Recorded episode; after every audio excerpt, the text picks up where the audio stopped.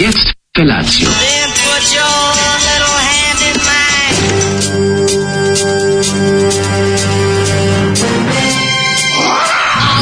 Grupa rozvojenih mladića trči po studenom vazduhu pre zore. Alarm. Ima da kane, nema problema. Svakog radnog jutra, od 7 do 10. Hajde, Geri, jako se velda. Yeah!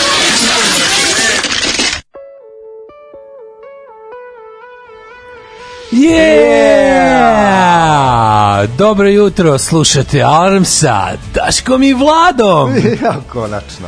Konačno, uh, Mladenova loša sreća sa ovog godišnjeg odmora, ne znam da li se slušao juče priča kako ima bedan godišnji odmor, se nastavlja. Nisam ne slušao. O, pa ima jednu malu turneju po ovaj, medicinskim zdravstvenim centrima stare Jugoslavije. Ovaj, krenuo je sa svojom ovaj, e, mnogobrojnom familijom, porodicom na more i ovaj, eto, tako jednostavno, kako bih rekao, zla sreća ih je pratila, deci su se upalile u grlo, nos, e, kukovi, leđa, e, kralježnica, e, krst, križa i ostalo. I onda je ovaj tako sad se nastavilo tako da ali ovaj sad već dolazi mada je danas više u domenu preventivne ovaj kako se zove dijagnostike ali ima ne, neodložne ovaj kako se zove obaveze na dečijem odeljenju radiologije tako da biće sve u redu ali eto danas nije mogao da bude sa nama. Još uvijek se vraća s mora. još uvek da još se- ponekad se vraćaju što bi se reklo. S nama u studiju je Vladimir Gošić Golja Moraš samo da se natakariš blizu mikrofona, onako kao ja, da ga zgotovo ližeš. Kao recimo, ako si video film ovaj, Čičelini Moana na svetskom prvenstvu, ako se sećaš scene sa bananom, e tako i ti isto. Ali pre uključenja si mi priličao da je ispljivan potpuno. ovaj. A pa dobro, zato što ga niko nije... Danas, ovaj, ako recimo hoćeš, ako nemaš ništa pametnije da radiš posle ove emisije, možda ostaneš da mi pomogneš da spremim studiju. Savršeno, ne. ne, a? Dobro, ništa, sam ću. Ovaj, A gde je da- Đolo, otkud ja? E, pa Đolo je, pa naravno da, naravno da mi ti nisi bio prvi pik, Ne, mislim. zato sam se izbunio, posljednji put si me zvao pre 8 godina, pošto sam poslednji u imeniku, pa Jeste, rekao... tako je. Tako je bilo i sada. put Tako je, nakon što su mi ispalili svina, ovaj kako se zove U i v, e, e, T, ostalo, ostalo si još samo ti kao V. Ja, da. E, Dobro, ne veze, ovaj Vladimir Gošić? Golja, ovaj Vlada iz CKM-a, Vlada iz Kebzina, Vlada iz pa- navijačke grupe Pančosi. Mislim ne znam kako da ću da te predstavim, ali jedan užasno duhovit, simpatičan mladić E, koji će tako mi ne. koji će mi pomoći da danas pregrmimo ovo ružno vreme i nedostatak Mladena Urdarevića. A evo, mladi su se već oduševili. Puna je čekaonica ljudi koji kažu ko je ovaj novi glas? Samo jedan fan je bio na nama od početka i čujete i prošli put kad si gostovao. Kaže, ja ne, opet Vladimir Gošić. Opa, šić go. Evo, evo, imaš i fana. fana. Imaš i fana. Odlično. Kaže, opa, šić go, zapisat ću broj da mu pošalješ posle penis u Viber. Ovaj, e, dobro jutro, terivači sivih oblaka, vraćaoci izgubljenih osmeha. Ko je ovo, vratite srđana? To je inače stara fora da te upoznam sad. Znači, E, mi znam, kad pa god kažem, imamo ja neku malu promenu, put Kad sam ja bio, su bili srđani tu, Bio zaista. Bio srđan. Gde ste kur lepotanije, evo jedan glup vic, kako se zove Zemunac koji Italiji radi kao moler, znaš šta je fazon? Aj, molim. Palermo. Da, ja mogu da ide isfoliram. to je jedna mala tradicija koja se stvorila kod nas, to je glup vic za dobro jutro. Kakav vlada, ko je taj vlada? Toliko sam vas čekali i sad dođe neki mlađa sa AliExpressa. E, pa ali ne mogu ja skroz da izguram mlađa priču, ne moramo mi uopšte, mogu ja najlon. Ajde probaj da budeš, hoćeš da probaš da budeš mlađi pa ću ti reći kako ti ide pa da Pa, samo studiju, samo studiju. Evo stigo mlađi. E, dobro si ranije Dobro jutro, evo ja sam dobar čovek, došla s najlona, tamo sam kupio, mm, sa, ovo je dobra bila muzika, razgrni ima tu dobrog rifa, odličan sweet metal je bio za prvi. A, s- a znaš šta smo čuli inače mlađo? Ju, Ovaj, SOS i gru, grupa SOS i pesma Stari sat i 73. Što meni je malo čak i drago, zato što, mislim, ovakva muzika kod nas došla malo kasnije, pa onda ovo što se u svetu sviralo 73. se kod nas sviralo 79. Ali ovi su na vreme bili grozni. A čekaj, sad si me zapucao, treba ti da kažeš da je sranje, a da ja kao mlađa pričam da je... Ne, ne, sranje je naravno ovo govno, Aha. užasno je. Samo ne, kažem, ne, bar je- odlično bilo je samo- sranje, o, po, o, dobro je u odnosu na ostale zoreve Pazi, ti pikove. to ti imaš to tvoje pankerske te, ovo bi zapravo trebalo da izguraš, znači slušaj na drugi način, slušaj, slušaj te rifove, slušaj, slušaj tu muziku. Ja sviram po rafu, slušam po rafovima. Slušaj, uzmi, ostavi na stranu što je sranje pesma, što je muzika teško đubre i što su ovaj kako se zove rifovi, ovaj onako već pomalo zabranjeni Ali vidi delovima ti da je omot, Ali vidi da je omot. Ima tu, ne, ne. Ne, ne, ne čuješ ti to, ne čuješ. Dobar, dobar. Dobro jutro, Mlaško i Dađo, samo da vas pozdravim iz e, Pljeskovca. Juče smo imali odličnu SF predstavu direktno iz budućnosti, centar je zatvoren. Ove, I da bi prešli preko puta morate policiji pokazati dokaz da ste vakcinisani, što ja jesam, ali nisam imao kod sebe sertifikat, tako da znate da smo mnogo ispred ostalih. Tamo je počela roštiljada, koliko ja znam, a ti znaš da je Raskovac prestionica roštilja. Vlada, vlada, to jest mlađe sa AliExpressa, da se, mlada. da se ponovo natakari bliže mikrofonu. Uh, Plovne kožice, pomeni plovne kožice i duboku državu i igrokaz i odmah si mlađa. Pišem, O, pišem. Uh, ovaj, uh, pa kaže ovako, uh, mlađo, samo ti to možeš, ovo sa tebi govori, slušajci. Umiram od smijeha na priču o feriju i užasno mi je žao. Ali neki su iz tenta ugrađivali pre dve godine na jugu Francuske na godišnjem odmoru. Uši i grlo kod dece su uobičajeni provodi. E, čekajte da vam ispričam. Momci, jako ste nam falili. Da vam ispričam sa mog parketara Mileta. Znači, Miću. Aj, to ću, Miću. Uf, već sam pilovo. E, jebe mu sunce. Ništa, vrati Gošića. Pa koliko, iz, pa koliko izdržimo? pa koliko izdržimo danas? Ladno ime džingl sa Irenom Sjekloćom Miller, alias ženski profesor Vladimir Lalić, alias uh, Lalićeva nevesta. Svaka čast, vidim, pratio se i Balkan Info, napredovalo se na raspustu. E da, za ove džingle koje u novoj sezoni su u potpunosti odgovorni uh, Mlađe i Čiča, uh, meni, su, meni su smešni svi koji smo do sada čuli. Ove, na super, letovanju vjerujem. mi je bilo grozno da bi izdržala, ponavljala sam sebi glasom ko na tikije, teško je, ali bitne su sise, kaže naša šis- sisata slušalica. Uh, 7 i 10 je, slušate Alarm sa uh, Vladom i Daškom, a mi danas slušamo muziku pa donekle po Vladinom izboru. Pa Zapravo sve sa rekao- playliste, za ne?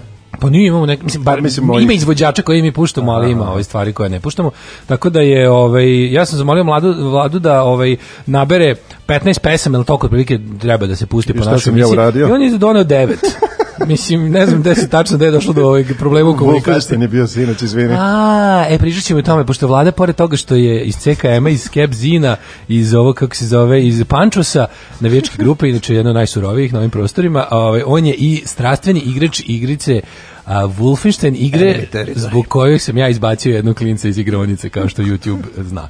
Ovaj, slušamo za početak Alkaline Trio i This Could Be Love.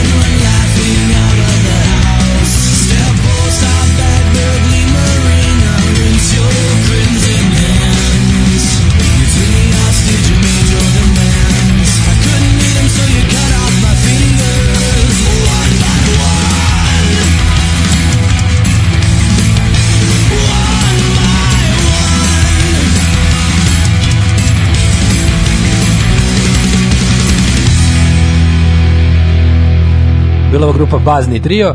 Ove, i njihova pesma, ovo bi mogla biti ljubav. Znaš kada, sad si me podsjetio da to je Minimax stalno Ne radio, prevodio, pa ne, nego ti si donio mlađu ploču od Minimaxa, što je stvarno lepo, on će se jako obradovati. Ove, i, I on se sjetio da je Minimax u svojoj emisiji često prevodio nazive grupa i bendova, što meni je bilo jako simpatično jer sam ovaj, bio mali kad sam to slušao. Tako, da ćemo, tako smo i mi sad ovo radili. Dobrodošao Vlado, dobro jutro momci, radujem se današnjim danom. Viš kako Ja, dobre ima inkluzivne, dobre inkluzivne slušalce koji ovaj, jednostavno Na su moj tako telefon nekako- ne stižu tako dobro, kaže Daško i mlađe propo. I tako, Ne. da. Svi koji znate vladin privatni broj, sad je pravo vreme da ga tovarite. E, prova, provalili punktove za testiranje, zva- razvalili ogradu da čuju srpsku majku sinoć. Tek će da bude zaraze u Leskovcu. Nije bilo mnogo ljudi, svega 15.000. Ove, a pazi, ovo mladi, kao, ti, ove, mlađi, bože, mlado. Nastavi sam mlađe, pa što se Može, boriš? da. Kaže, sećam se vladinog fazona od prošlog puta. Čitali ste Jet Set koji se potukao, on je nju udaru po telu, a vlada je poentirao sa, pa zar pored takvog lica. to je Kako takav sam bio fazon više ne može, znaš mlađe. A ne mogu, od To je sam tako- mlađinom fazonu, Takvi fazoni više ne mogu. sad je politička korektnost i sad je to više, više, znaš, on kao, znaš, kao samo govori kao, ovakav film više ne bi mogao biti snimljen, ili kao, ovo, sad, takav fazon više ne bi mogao biti provaljen. Mi sad, znaš, mi, mi smo prestali tučimo žene među vremenu Došli do 40 i po godina, drugačije fazone smo licu i prešli. ne više ni po licu ni po telu ne bijemo sad. Tako da znaš to je to je sad novo, to više Dobro. ne radimo. I to Onda ove mlađine reči su nije loša muzika, samo vidi kući izmeni riječi. Ovaj e, Vlado, ti Vlado, ovaj kako si proveo jučerašnji dan? Mislim znam da tako sad, A, mi, mislim, mi- ti kad smo- znaš zapravo, da. da, kad smo mlađe i ja tu, onda se mi tako igramo, mislim, meni pošto jako nedostaje, onda o, ja njega tako ovaj, pitam, što, u ovom baš periodu emisije bi ga obično pitao, a kako si proveo jučerašnji dan? I puno me to zanima. Jel, a jel te stvarno zanima ili treba samo ja da vratim odmah pitanjem? Ne, ne, stvarno me zanima da mi sad pričaš šta si juče Pa, radio. pošto A možeš i i sam- prethodnih 40 godina života, pošto ljudi nisu baš Pošto si sam u našoj Wolfenstein grupi, svaki ponedeljak, četvrtak i subotu, apsolutno ništa mi se ne dešava u životu osim Wolfensteina. Da, možeš da pričaš malo o tome, ljudi, e, postoji grupa entuzijasta iz Novog Sada, a verujem da nisu jedini na svetu, pošto kad god, a to je jednogodišnje, nažalost, nismo. se uključim Nismo u, ovaj, u taj server, ja vidim da to stvarno, da to, da zgubidani i luzeri širom sveta to rade. Ja sam bio šokiran, mi smo se, ovaj, mi smo to igrali zapravo, ti si bio tu pre Radi se, radi se o igrici koju smo mi igrali pre 20, 20 godina, bukvalno vukli se po onim bunkerima i igronicama i E, s atomskim skloništima. Atomskim skloništima, Jednom pa da. vreme čak i u The atomskom skloništu u kom je stolovao i Otaš Andraš. Znači, to je tje atomsko sklonište. Ovaj, međutim, prošlo od tada 20 bajrama, malo Boga mi sela. 40, imaš dva bajrama godišnje. Ovaj, šta smo onda, da, prošlo od od Boga mi tek do, do, do korone. U koroni zatvorili nas dosadno nam. Ajmo da vidimo, je li to neko igra? Šta Da ćemo s tim besplatna igra? postoji? Ne da postoji, postoji ko da se ništa nije desilo od kad smo onda igrali. ja igram crve online, razumeš, i to je Da, isto ti kao da, imaš jaku scenu isto. isto jaka scena. znači. 40 godišnjaci sve, jel da? Da, prejaka Da. scena, sve su ono, ovaj, kako klincima to nije zanimljivo? Kakve su te nove igrice ako im crvi nisu zanimljivi? Te? Ja, ja, zbog- Mislim, razumem da im recimo te, te first person shooters nisu interesantne jer su, jer su da, to iste igrice, samo sad izgledaju mnogo A bolje. možda su samo Ali igrali još neku igru pored te, znaš, pa moguće da su Da, provalili. moguće da je zbog toga što su igrali još neku igru u životu. pa im zato više ovo nije najbolje. Ovo, što se tiče Wolfensteina, tu ekipa, znači nije mrdnula nigde, sedi, čak su ovi koji su napravili Wolfenstein kad je krenula korona i njih su zatvorili, samo su se vratili nazad i krenuli da prave update-ove, E, to sam video, da, su, da, su nove no- mape. da mape imaju neke tvikove kao nešto. Da, da, da, fantastično. Znači, ne može, život nikada nije bio lepši osim ponedelj, mislim, Ne može život, znaš kako se kaže, ne, neka pobedi život koronu, ali neka i Wolfer pobedi život. Ne, Tako ne se kaže. to je izraz stara Wolferoška izjava. Da ne može život da spreči ove ljude da napreduju u Wolferu. Meni je jako važno kod te, na, kod te naše grupe Wolferske da ja tu budem prisutan da čitam redu šta se dešava. To je, moja drugarica jednom rekla, ovako kaže, meni je jako važno da mene uvek zovu na godišnjicu mature. Nikad ja neću otići, ali moraju da me zovu. FOMO? Da, FOMO. Ovaj, I onda sam tako isto zaključio da ja se zapravo dozovem na svaki 50. poziv. Ovaj, ali mi je taj Da se entuzijazam... ne lažemo, ja- ja- se na jedan poziv. ja vo, na dva. Ovaj da, ali ti nisi bio drugi put. ja jako volim, meni ja volim da vidim ljudi ljudski entuzijazam. A kod vas to pršti. Kod nas, da tako kažem. To, toliko je neprijatno što je uh, prošlo dve godine od kad smo počeli ovo da igramo. Da. Na početku smo igrali četiri do pet puta nedeljno. Da. Sada igramo tri puta nedeljno, konstantno, ne pada entuzijazam. Da, da, da, Baš da. onako zastrašujuće. A ima i žena. Ima i, ne, ima, Pričaj nam malo o tome kako ima i žena. imamo ženu komada jedan. Molim Mislim, te. više ni ne treba. Izvini, više nego recimo u grupi New Age četnici. Druga neprijatnost Koja je mnogo veća. što ona nije igrala od početka s nama, znači to je, da kažem, novo meso, već... Da li ovaj, ona nije brakom stekla ta, to, to, to, to stanje? Uh, ilegalnim brakom. To jeste. mislim slovo tim divljim brakom, Divlji grešnim, brak, greš, tako zvan bi- grešnim brakom. Da. Ovaj, došla je i, i samo nas ponizila kao niko do sada. Da li imali iskustvo u drugim Nemci tim grupnjacima? Ne, samo je došla i ponizila. Došla, uzela miš i ponizila. Zna da skače na visoke prozore? E, ne znam, sad to ne znam. Ja se sećam našeg prvog susreta kad smo igrali u prvoj turi, ono kao, pa kad smo kao teli da se odmerimo sa onim nekim iz drugih gradova. Kad si ti stalno teo da budeš Nemac. Da, oni došli, došli tamo, ja sam teo da budem Amerikanac. Baš nikad nisam teo da budem Nemac. Zato, samo, zato što se meni... oni brane da, ne to jeste brane. onak- da. Kako to stvari kovnarska propaganda? To su uglavnom Nemci brane, čoveče. Kako to neverovatno. Jeste, nisam razmišljao. Nisi razmišljao nekad o tome Nisam, kako, to, nisam. kako su tu Nemci prikazani kao ljudi koji Bukvalno brane nešto. imaju jednu mapu na kojoj su na koje napadaju. Da, da, da, sve ostalo. Samo, samo na pruzi napadaju, sve ostalo kao Brane nedužni Nemci se brane od. Amerikanaca koji napadaju. Brane svoju Afriku, za račun brane svetskih jevreja, za račun svetske jevrejske zavere. Znamo mi tačno šta se tu dešava. O, kaže, Opa, sad si mi ubacio ovog crva, stvarno. Šta je mlađa već odustao, a dugo je izdržao. E, Kaže, da, da, da, to je taj fazon bio. Ja pokušavam da se setim godinama šta je vlada tako dobro provalio i znam da je bilo jako smešno, hvala slušalicom. Aj, šteta što se šta sećaš, sam ja- zapisao sam da opet ponovim se setim, Sad ti fazon. mene pitaš šta sam juče radio. Šta si ti juče radio, E, Daško, baš juče ja, ovaj, znam da ti zanima, u, neverovatno, ovaj, sad ću ti kažem šta sam juče radio. Jučerašnji dan protekao je u oporavljanju od prvog radnog dana. Sad, mi smo juče se vratili sa godišnjeg odmora i ovaj Ček, šta ti radiš kad odeš kući? skočio. Konkretno, završi se emisija, odeš kući, spavanje. namestimo mo- moram spavam posle znači moram, moram da moram da spavam i gledam ono kao i gledam stvarno da ostatak dana ne pričam zato što mi je dosta i svog glasa i, i reči i svega i trudim se jednostavno znaš on kad me neko pozove ja mu odbijem poziv pa vam pišem pošalji poruku Dobro, da, ku, to- da kucam to je svako radi. da kucamo malo ono znači to je ali moram moram mene ovo toliko znači ono kao tačno moja rutina ujutru pojedem taj sendvičak od kad sam na ovaj E, hvala na režimu sendviču. Na taj, taj sendvičak mali pojedem i onda ga tamo potrošimo ovde od blebetanja i naprezanja intelektualnog i onda kad završimo sve kao to šerujemo, okačimo podcaste, šerujemo, dođem kući, onda se jednostavno nesvestim. Sad što je fora, sad sam nekako naviko sebe da mi moram, moram jedno bar dva, dva i po sata da budem u komi, ono, dubokoj komi, ono, to je ono, ugasim sve, spustim roletne i Moram ti reći da me onda malo razočarao tvoj entuzijazam jutros. Ovaj, pa kad te vidim pre 7, očekivao sam te mnogo slomljenijeg. A nije, pa ne, meni, meni je samo teško da se, znači onaj moment kad, kad, kad odlučim da se ne ubijem to jutro, a probudio sam se, znači kad stignem do kupatila, dalje je sve lako. Znači, na primjer, taj, sad taj moment, jutro je bilo baš, sve kako krenula pada ona lepa kiša u ponoć, jebote, mislio sam se, Ne znam, nema lepe kiše, ali... ma ima lepe, mislim, ja se bojim kiše, jebote, ja živim ono u plavnom području, ali kad sam vidio da će biti ono lepo što ujednačeno pada celu noć, što neće imati one, znaš, one... Možda se otvori prozor i Da može se otvori prozor. I to kao kad sve da će tako biti, kad sve da ono ne da da i da da, ono- da se tako uspavljuje i da je lepo i kad sam konačno onda tako u ritmu te kiše zaspao u dva noću. Kako je tako lepo uspavljuje. Ovaj kad sam video kad se probudio trga u 4 pa video da i dalje isto pada. Onda sam bio u fazonu jebote kao kako je tačno to da se je leto završava onog trenutka kad se vratiš s godišnjeg odmora, a ne kad kalendar kaže. Ja, to je najtužnije. Jesi kako odmah, odmah sranje? najtužnije. Odmah sranje. Ne može znači, gore, Kraj može. zato što sam ja došao sa, s godišnjeg odmora. Kaže, ne laži nepoznatog dobrog čoveka da ti ne pričaš. E, da, M je da bio kažem- divan da ustane pre prve reakcije, M ga baronjaš, kaže Marina. E da, to stvarno jeste problem. Mislim, nije problem ustati, ustao bi svako, ali pričati ujutru, to je, to je stvarno... Meni je problem nije mi problem pričati Stvarno? nikada. Znači, znači, samo je problem da se probudim. Znači, to kad, oči, meni nije bio, ali sad kad treba da se gledamo i pričamo, to mi Pa je dobro, malo. ja nisam baš lep, ali da je neko lepši preko puta možda. Da, da, da.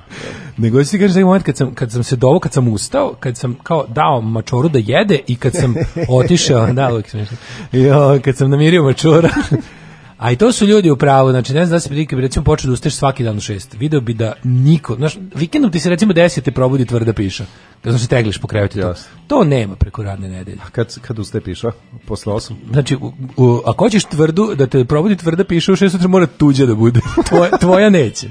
Tvoja neće. U šest ujutru nema to, ne postoji. Znači, u šest ujutru ne postoji jutarnja Postoji piše generalno. Pa generalno ja mislim da se tvrda piše javlja od 9 pa nadalje ujutru, kod normalnih ljudi. Znači, šta će u 6 ujutru, kome to treba?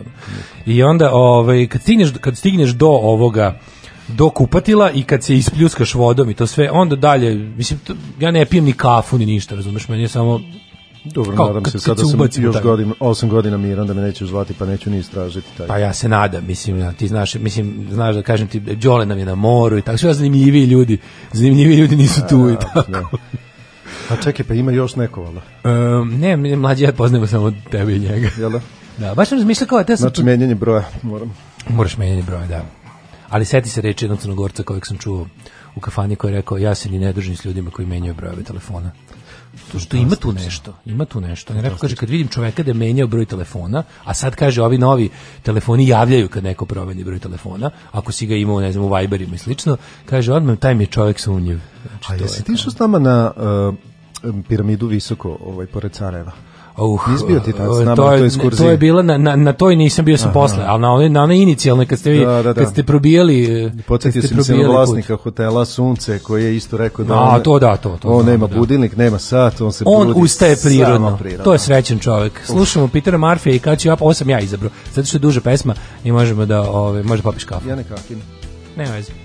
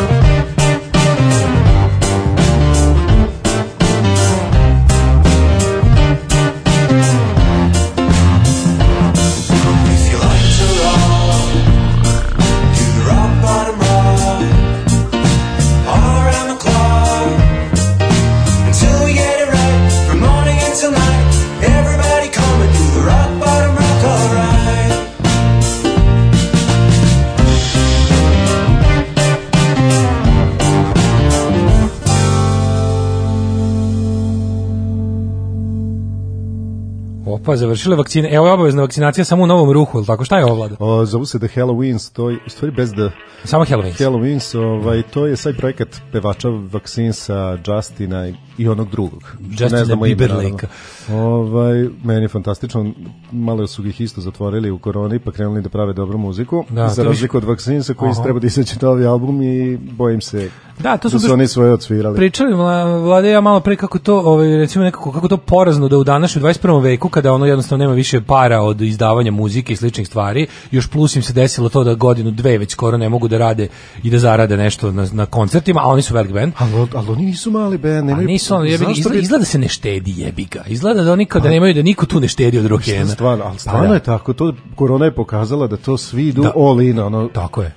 Tako je. Znači, To čudno, ti primetio, si ti primetio da je krenula korona da smo mi treći dan pre rudara, pre ono pre nemam pojma, ono kao pre u mlekarske industrije, pre ne znam, ono crne obojne metalurgije. Treći dan su ljudi koji žive od show biznisa počeli kukaju kako nemaju para. Tako, To je stvarno, ja ne znam koje to oni prohteve imaju kada za dva dana spičkaju sve što su imali prethodnih 20 godina. Ne znam, moram priznati da me malo boli srce nakon što sam čuo Vaccines nove pesme, kako su postali, Pa da, da, kažem, ali radio ti- friendly band od jedan posle 10 godina, Nije fantastično. oni nisu bili radio friendly, nego su postali nekako baš su ono krenuli su u fazon kao ipak nam je publika mnogo gluplja nego što smo mislili. Jeste, jeste. I to je meni I porazno sad će izgubiti stigne ovo što imaju, da. Da, kad band stigne do toga da kaže jebi ga ipak je naša publika, znači kao ako hoćemo da od ovoga i nešto zaradimo, mi moramo da we have to cater to the lowest Sećam se kad si mi pričao to za Daška i mlađu. Jeste. Da, znaš kad smo mi to radili, Da, čekali da. smo kao, gotovo sad prelazimo na internet, tu su samo glupi.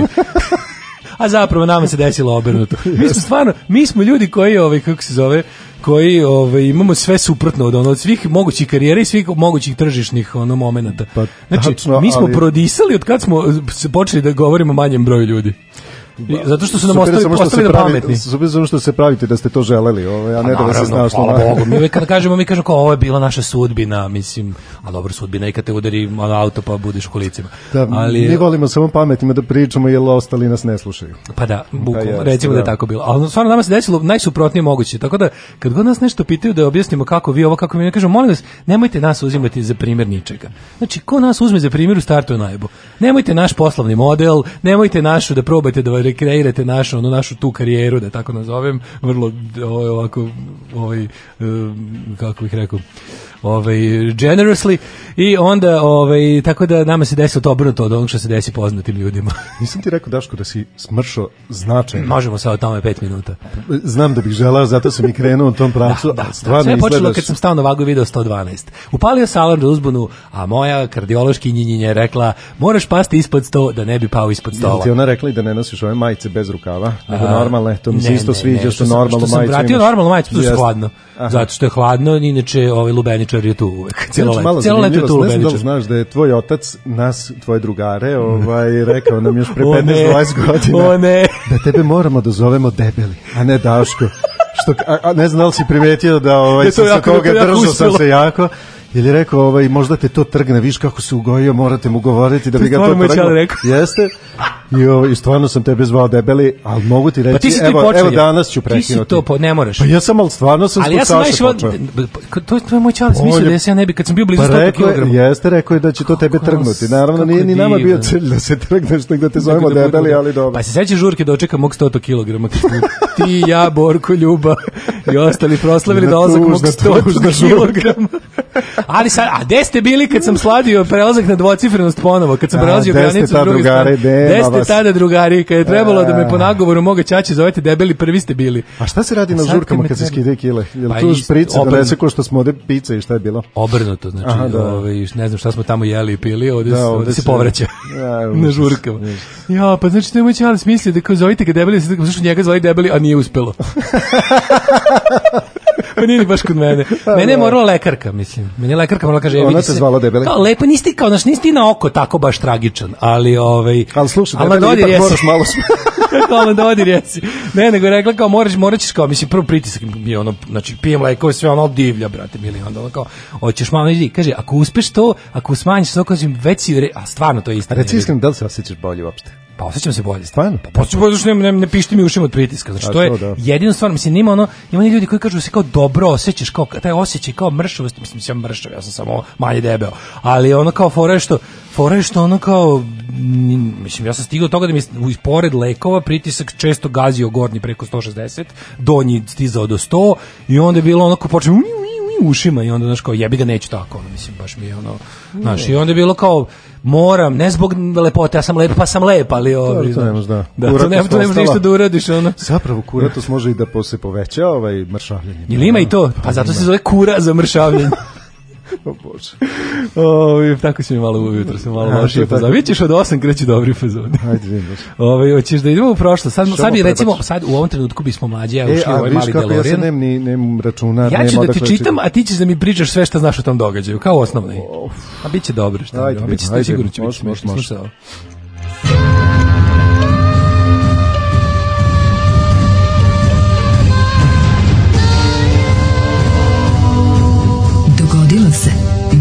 Današnji dan. mislim ja se ozbiljno brinem za naše slušatelje, jer se javilo već njih troje koji se sećaju dobro kad si ti bio prethodni put na ASFM-u sa mnom. Neću ja odavde živi izaći? Pa ja ti kažem, mislim, ti si sad upao, upakao ovaj, uh, fanstva Daške mlađe i tu se ne izlazi baš tako lako. ono. Ali Dinar da uđeš. troje, dinar da uđeš, da, a dva dinara druže da izađeš. E, Danas je 24. Ovaj, e, kolovoz, prošlo je 20 dana od tvog rođendana. E, Danas je dan grada Malog Lošinja, ovo je emisija Veliki Lošinj, ovaj, a, a moja istorija, čekaj, sam da malo mlađe mene pita, a gde ćeš za novu godinu? E, ali ne, ali to, aj se dogovorim, pa ti spustiš ovaj regler kad ja pitam i sve ono, bud ćutiš i sve odradiš da ja ne moram. Može? Mm, ajde, spustio sam sad, sad te niko ne čuje. Ne, ne, zaboravim se kako... a, 20 ne, ne, godine, ne, ne, i onda kao tišina, ne, ne napravimo kao danas pauzu. ex debeli. Te Nećeš ćeš za novu godinu. Tako. Ne, ne, ja tebe pitam se. Ti si, sad, ti si danas, pošto sam ja mlađa, ti si danas Daško. Kako sad to? Kako se to desilo? je? po... Ljudi više vole mlađu, pa neko ne ostane. Ja... pa za novu godinu bih mogu u donji štoj. Donji štoj, opa. Šta? Koja Da vidimo šta je- da Da li vidimo postoji, šta- izvinjam pitanje, da li postoji gornji štoj? Ima gornje štoje, Ima gornji štoj? Ima, ima crkva jedna u gornjem štoju katolička. A, sto. Tu su Albanci katolici. Jeste, tako A čekaj, imam pitanje. Znači, ti si čovjek, ja mogu da vam kažem, Donji Štoj, koji je nakon propasti Ade Bojane i dolaska kupaći gaća na nju, je Donji Štoj je postao no, old Ne, ne, nije se, pazi, Ada Bojana, odmah da se ogradimo, Ada Bojana nije, pre, uh, nije prekinula svoju nudističku karijeru, nije, naravno. naprotiv, nego su, pogrešili su ljudi kad su krenuli Beograđani i Novosađani da idu na deo, uh, zapravo na i donji štoj, sve upropastili idu, na do, idu u donji štoj, međutim Da. sramota je reći, i onda kažu Ada Bojana, i više sad su uništili Adu nije, Bojanu, svi misle da je Bojana Ne. to. Ti kad si išao u Donji Štoj, ja, E, pa taj čovjek, ja kažem, čovjek preko puta mene, on letio u Donji Štoj sigurno 15 godina. I, E, o, 20 godina, punim sledeće godine. 20 godina što 20 godina, znaš tu jebo. Pa tamo Mislim- ste, samo ti i mrtva krava u plećaku ste toliko dugo tamo. Sklonili kravu. Sklonili su i kravu. Nema gde nestao stari, stari donji što je. Nema, pazi, prekrečili su i grafite, beli, beli Eminem, Deep Purple u srcu punka, sve prekrečili. Prodali pičku, materinu. Ne, nema, mislim, to je gentrifikacija došla. O- Odnijelo. Danas nam možeš pričati o tome kako je donji što je izgledao pre nego što ga turisti otkrili. Mhm. Znači ti si, a stvarno, vlada je išao u donji štoj kada je to jednostavno bilo Tito nije dao. Kada Tito je streljao koji ide da. Mi je ostao neko od Pa pazi ovako, kad sam ja prvi put otišao na donji štoj, bukvalno na toj plaži nije bilo nikoga i ničega, osim mrtvih krava, što se mi zezamo, ali stvarno je tako Bilo bilo, samo je, mrtve da, krave. krava. I tek naredne ili dve godine kasnije, nakon mog prvog odlaska, se pojavio prvi kafić ovaj, na plaži. Uzdravlje. I imao je tablu cheeseburgere, imaju, znači imaš pivo, imaš cheeseburger. A šta, kakav je bio cheeseburger prve Ja godine? uzao sam, uzao sam jedan cheeseburger. Bilo je meso između dva leba i, i, i beli sir s pijace. Još gore, feta sir. Feta. Fetu To debelo od jako 3 dobro. cm odseče debeli sir. Rižem fete pršuta. Stavi na suho meso i da ti, uzao sam jedan zalog. A, probam stvarno. od salate šamarčina i ne, to ne, to. nema ništa, ništa, Ništa, ništa. hleba, fete Mesa, i- feta. i leba. Ima takav ukus, to je to. Svaka čast. E, to je Schizburger. E, to je, to ti je Schizburger. kakav ja pamtim, ne ovaj danas. Upravo, znači ne, sve, sve, apsolutno sve se menja, gentrifikacija. Ja samo idem za novu godinu sve u svemu da vidim šta sve ima za Čuo sam da zimi uglavnom budu samo ubistva ovaj, u, u Ulcinju, da nema ništa Čekaj, budu zanimljivije, samo da- ubistvo ili samo ubistvo? Samo samo ubistva. A samo samoubistvo. A, moja istorija počinje 79. godine u erupciji vulkana Vezuv. Nestali su rimski gradovi Pompeja, Herkulanum i Stabija. A hiljade ljudi je poginulo. Pompeja je dobro očuvana ispod vulkanskog pepela i lave, pa je ostala kao svedočanstvo života i kulturi Rimljana tog vremena. Koja je najpoznatija? si bio nekad tamo? Nisam, ti bio?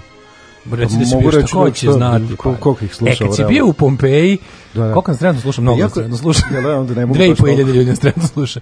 Odnosno koliko i može da nas sluša. A niko, znači niko nije odustao zato što si ti umesto mlađe. I što je entuzijazam? Oni će tebi dati šansu. Oni će tebi dati šansu. To su ljudi, to su nego- ljudi, a ne oni sa, sa se sećaš onih ljudi? Da. Svi se isključili samo. Da, da, da. Došli sačekali ispred sa bakljama i, i ovim vilama. Ove, se sećaš najpoznatijeg onog... on- Znaš je- znaš da je bio onaj masturbator of Pompeji? Oni što, su, što ga navodno, šta? pa što ga navodno, znaš da su ljudi okamenjeni, Da, kao što su uglavnom većina njih je spavalo, ne pojma. zabavati da je neko sa drkicom s kamenom. Da, ali ne znam, oni su na kraju posle recimo ne znam 150 godina izlaganja njega kao The Masturbator of Pompeii i neki arheolog rekao nije taj čovjek drkao, taj ne znam šta radio, ali ispadne tako da jeste nešto drugo stvarno. Kako ne znam da masturbator iz Ne, Pompeji? ja sam pa sad moram. To je jako dobro. Sledeće pesme nek budu dve pesme, moram čitati da, tome. da se smejem dobro. Ovaj. 400, znaš koliko, to se razmišlja čovječ, ako čovjek stvarno drkao kada je opalila lava, koliko je taj bio unet. A tad nije bilo purnića. Dobro, to je bilo, pa jedini Možda internet da- bio. možda je Njima bio stvari- vulkan, jedini bio. Ako je, taj, ako, ako je stvarno bio drkač iz, iz Pompeje, mislim, on tad nije imao pornografiju, razumeš? On je tad morao baš da bude jako u toj svojoj mašti. On je stvarno realno mogao da bude ovaj, spucan lavom i, i ovim, kako se zove, tim vulkanskim pepelom. Ali Jer je on stvarno bio izgubljen u mašti. Ali s druge strane nije mogu da čuje muziku, TV, ništa, čuje samo jel, A, vulkan, a- tako da moramo Nije provaliti. čoveče, mo, može, znaš kada ga može jako zamišljao, znaš, možda je baš duboko ušao, Kako da, ti to radiš, tačno, kad tako? uvek na svoju maštu. Meni ne treba pornografija, ja, se, ja sam protiv, ti na ogledalo, jel da, obično da bi mogao na sebe. jer recimo snimim sebe kako trojim ponda na to. Pusti pornić sa sobom, kako pa da, odlično. Imam kolekciju, recimo, imam kolekciju da ja recimo, ja drkam na razne stvari. I onda to su mi žanrovi, kao, evo ovdje na plavuše, ovdje na lesbike i tako. Ove, 410. godine vizigotski kralj Alarik ušao je u Rim nakon tri dana pljačke, nastavio ka južnoj Italiji s namjerom da pređe u Afriku, ali na tom putu umro. Stvarno, tako ide vest. Tako ide- to je bilo znaš si često- Pantiće kralja, krenuo da pljačka, zaletao se umro. Pa da, 1572. u noći praznika Svetog Bartolomeja otpočeo pokolj Hugenota, to su francuski protestanti, u kojem je do septembra pobijeno 70.000 ljudi. Svim 70.000 tada. 70.000 ljudi, 1572. kad je na svetu živelo 100.000 ljudi. da. Ove, a rekli su onda su, onda su ovaj, odlučili da prestanu, dogovorili su se s papom Grgorom 13. Aj kao sad malo stanemo. Odlu- Odlučili su da im puste da mogu da se isele u novi svet. 1814. Britanci su u drugom anglo-američkom ratu zauzeli Washington i ispalili i E, razorili grad. To je iz Tabua. To i znam, da. Oni su, Belu kuću su ovaj, urnisali. Jeste, i onda su teli da pređu na New York i recimo Boston, pa su ih tu To je zaustavili. bila ta čajanka, znam sve šta je bilo. 1893. požar u južnom delu Čikaga, izgorilo peti ljudi ostalo bez kuća. E, 1940. završena cerska bitka u kojoj je srpska vojska pod E, to jeste, komandom. to je pravi datum. To je pravi datum, zato što je to bila prva saveznička pobjeda, Pobjeda, u prvom svetskom ratu, gde su ovaj, Antanta pobjedila centralne sile. E, pa onda ovako imamo kada su 1922. arapske zemlje na sastanku u Nablusu odbacile odluku Lige naroda da Velikoj Britaniji poveri mandat za Palestinu. Znaš šta je Velika Britanija rekla? Fuck you, I won't do what you tell me. I ipak napravila svoj mandat u Palestini.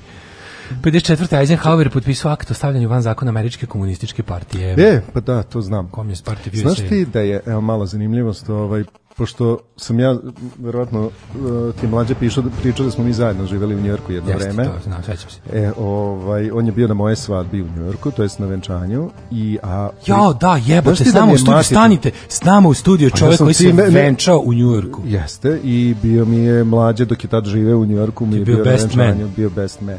A ti bio the best man. Jeste. Ali čekaj, on je good man, nisam znao da je best man. si ga napredio? Ne, ne, ne, imam crno na belo sve, nije, nije prevara. Znam da njega zovu good man mlađa, znači on je u jednom trenutku čak bio i best man. fantastičan čovjek, sve se postiže.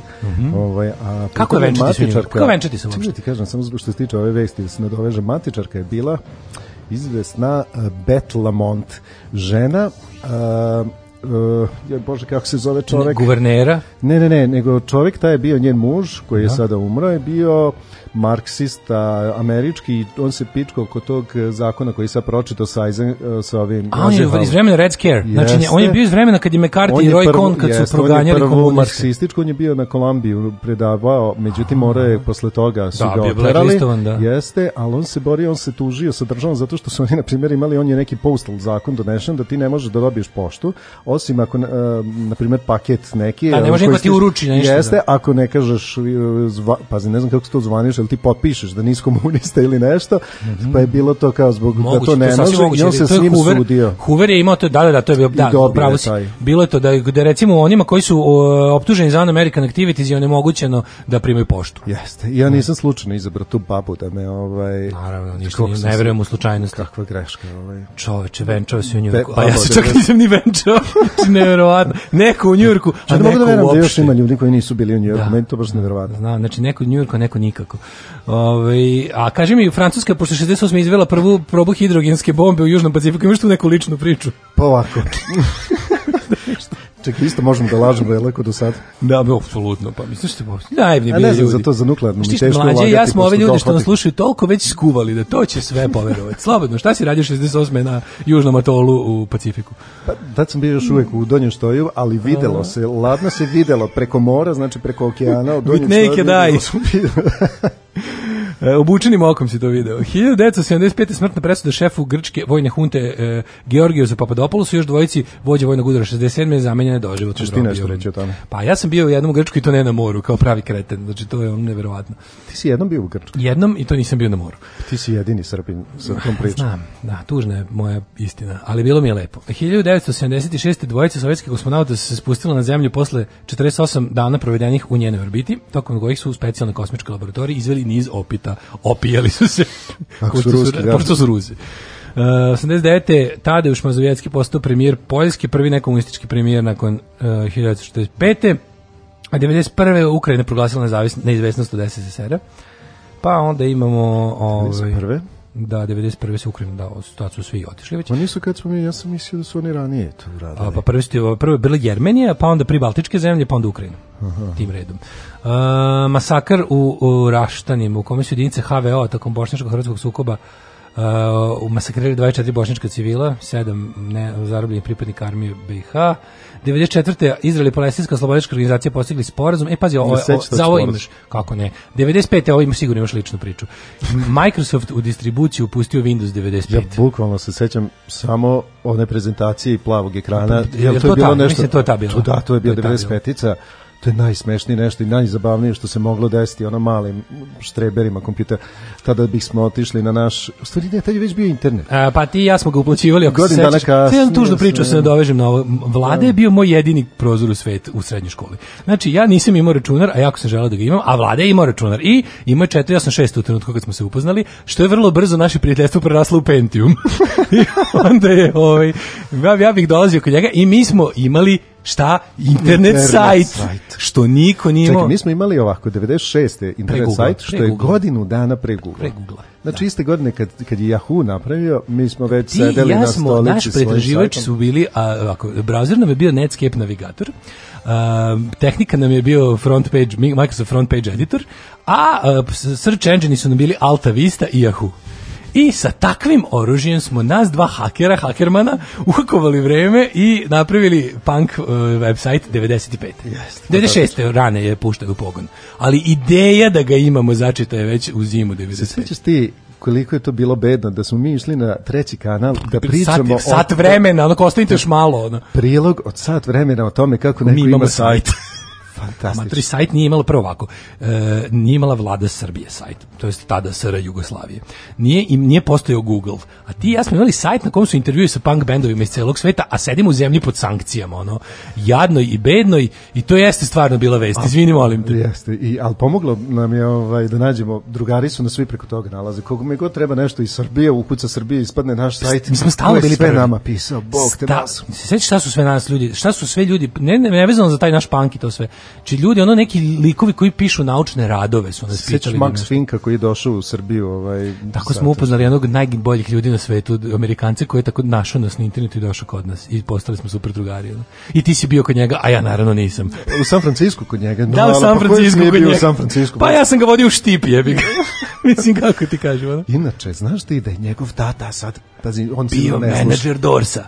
Ne, on je bio advokat, a i kum Jim Morrisona. Da, i bio menadžer Dorsa, taj legal Imaš njega kako peca sa Jim Morrison, njega sa Gručom Marksom. Pa on im je bio legal representation, taj kao za Dorse, pošto su bili kumovi, oni Jim Morris. Kako je svet mali? ja, Kad imaš internet sajt Bio ja s 96. Maksom u, u, u, na Hvaru i staje jahta onog Paul Allena, tad najveća na svetu. Kaže, evo sad me zvao brat, on je na, na jahti da idemo na žurku. Rekao sam, ne, ne šalim se. E, Si, si, život. on je rekao, ne, jer on neće da ima ništa s tatinim parama. Kakva je to šamarčina čovek. Da, da, da, car.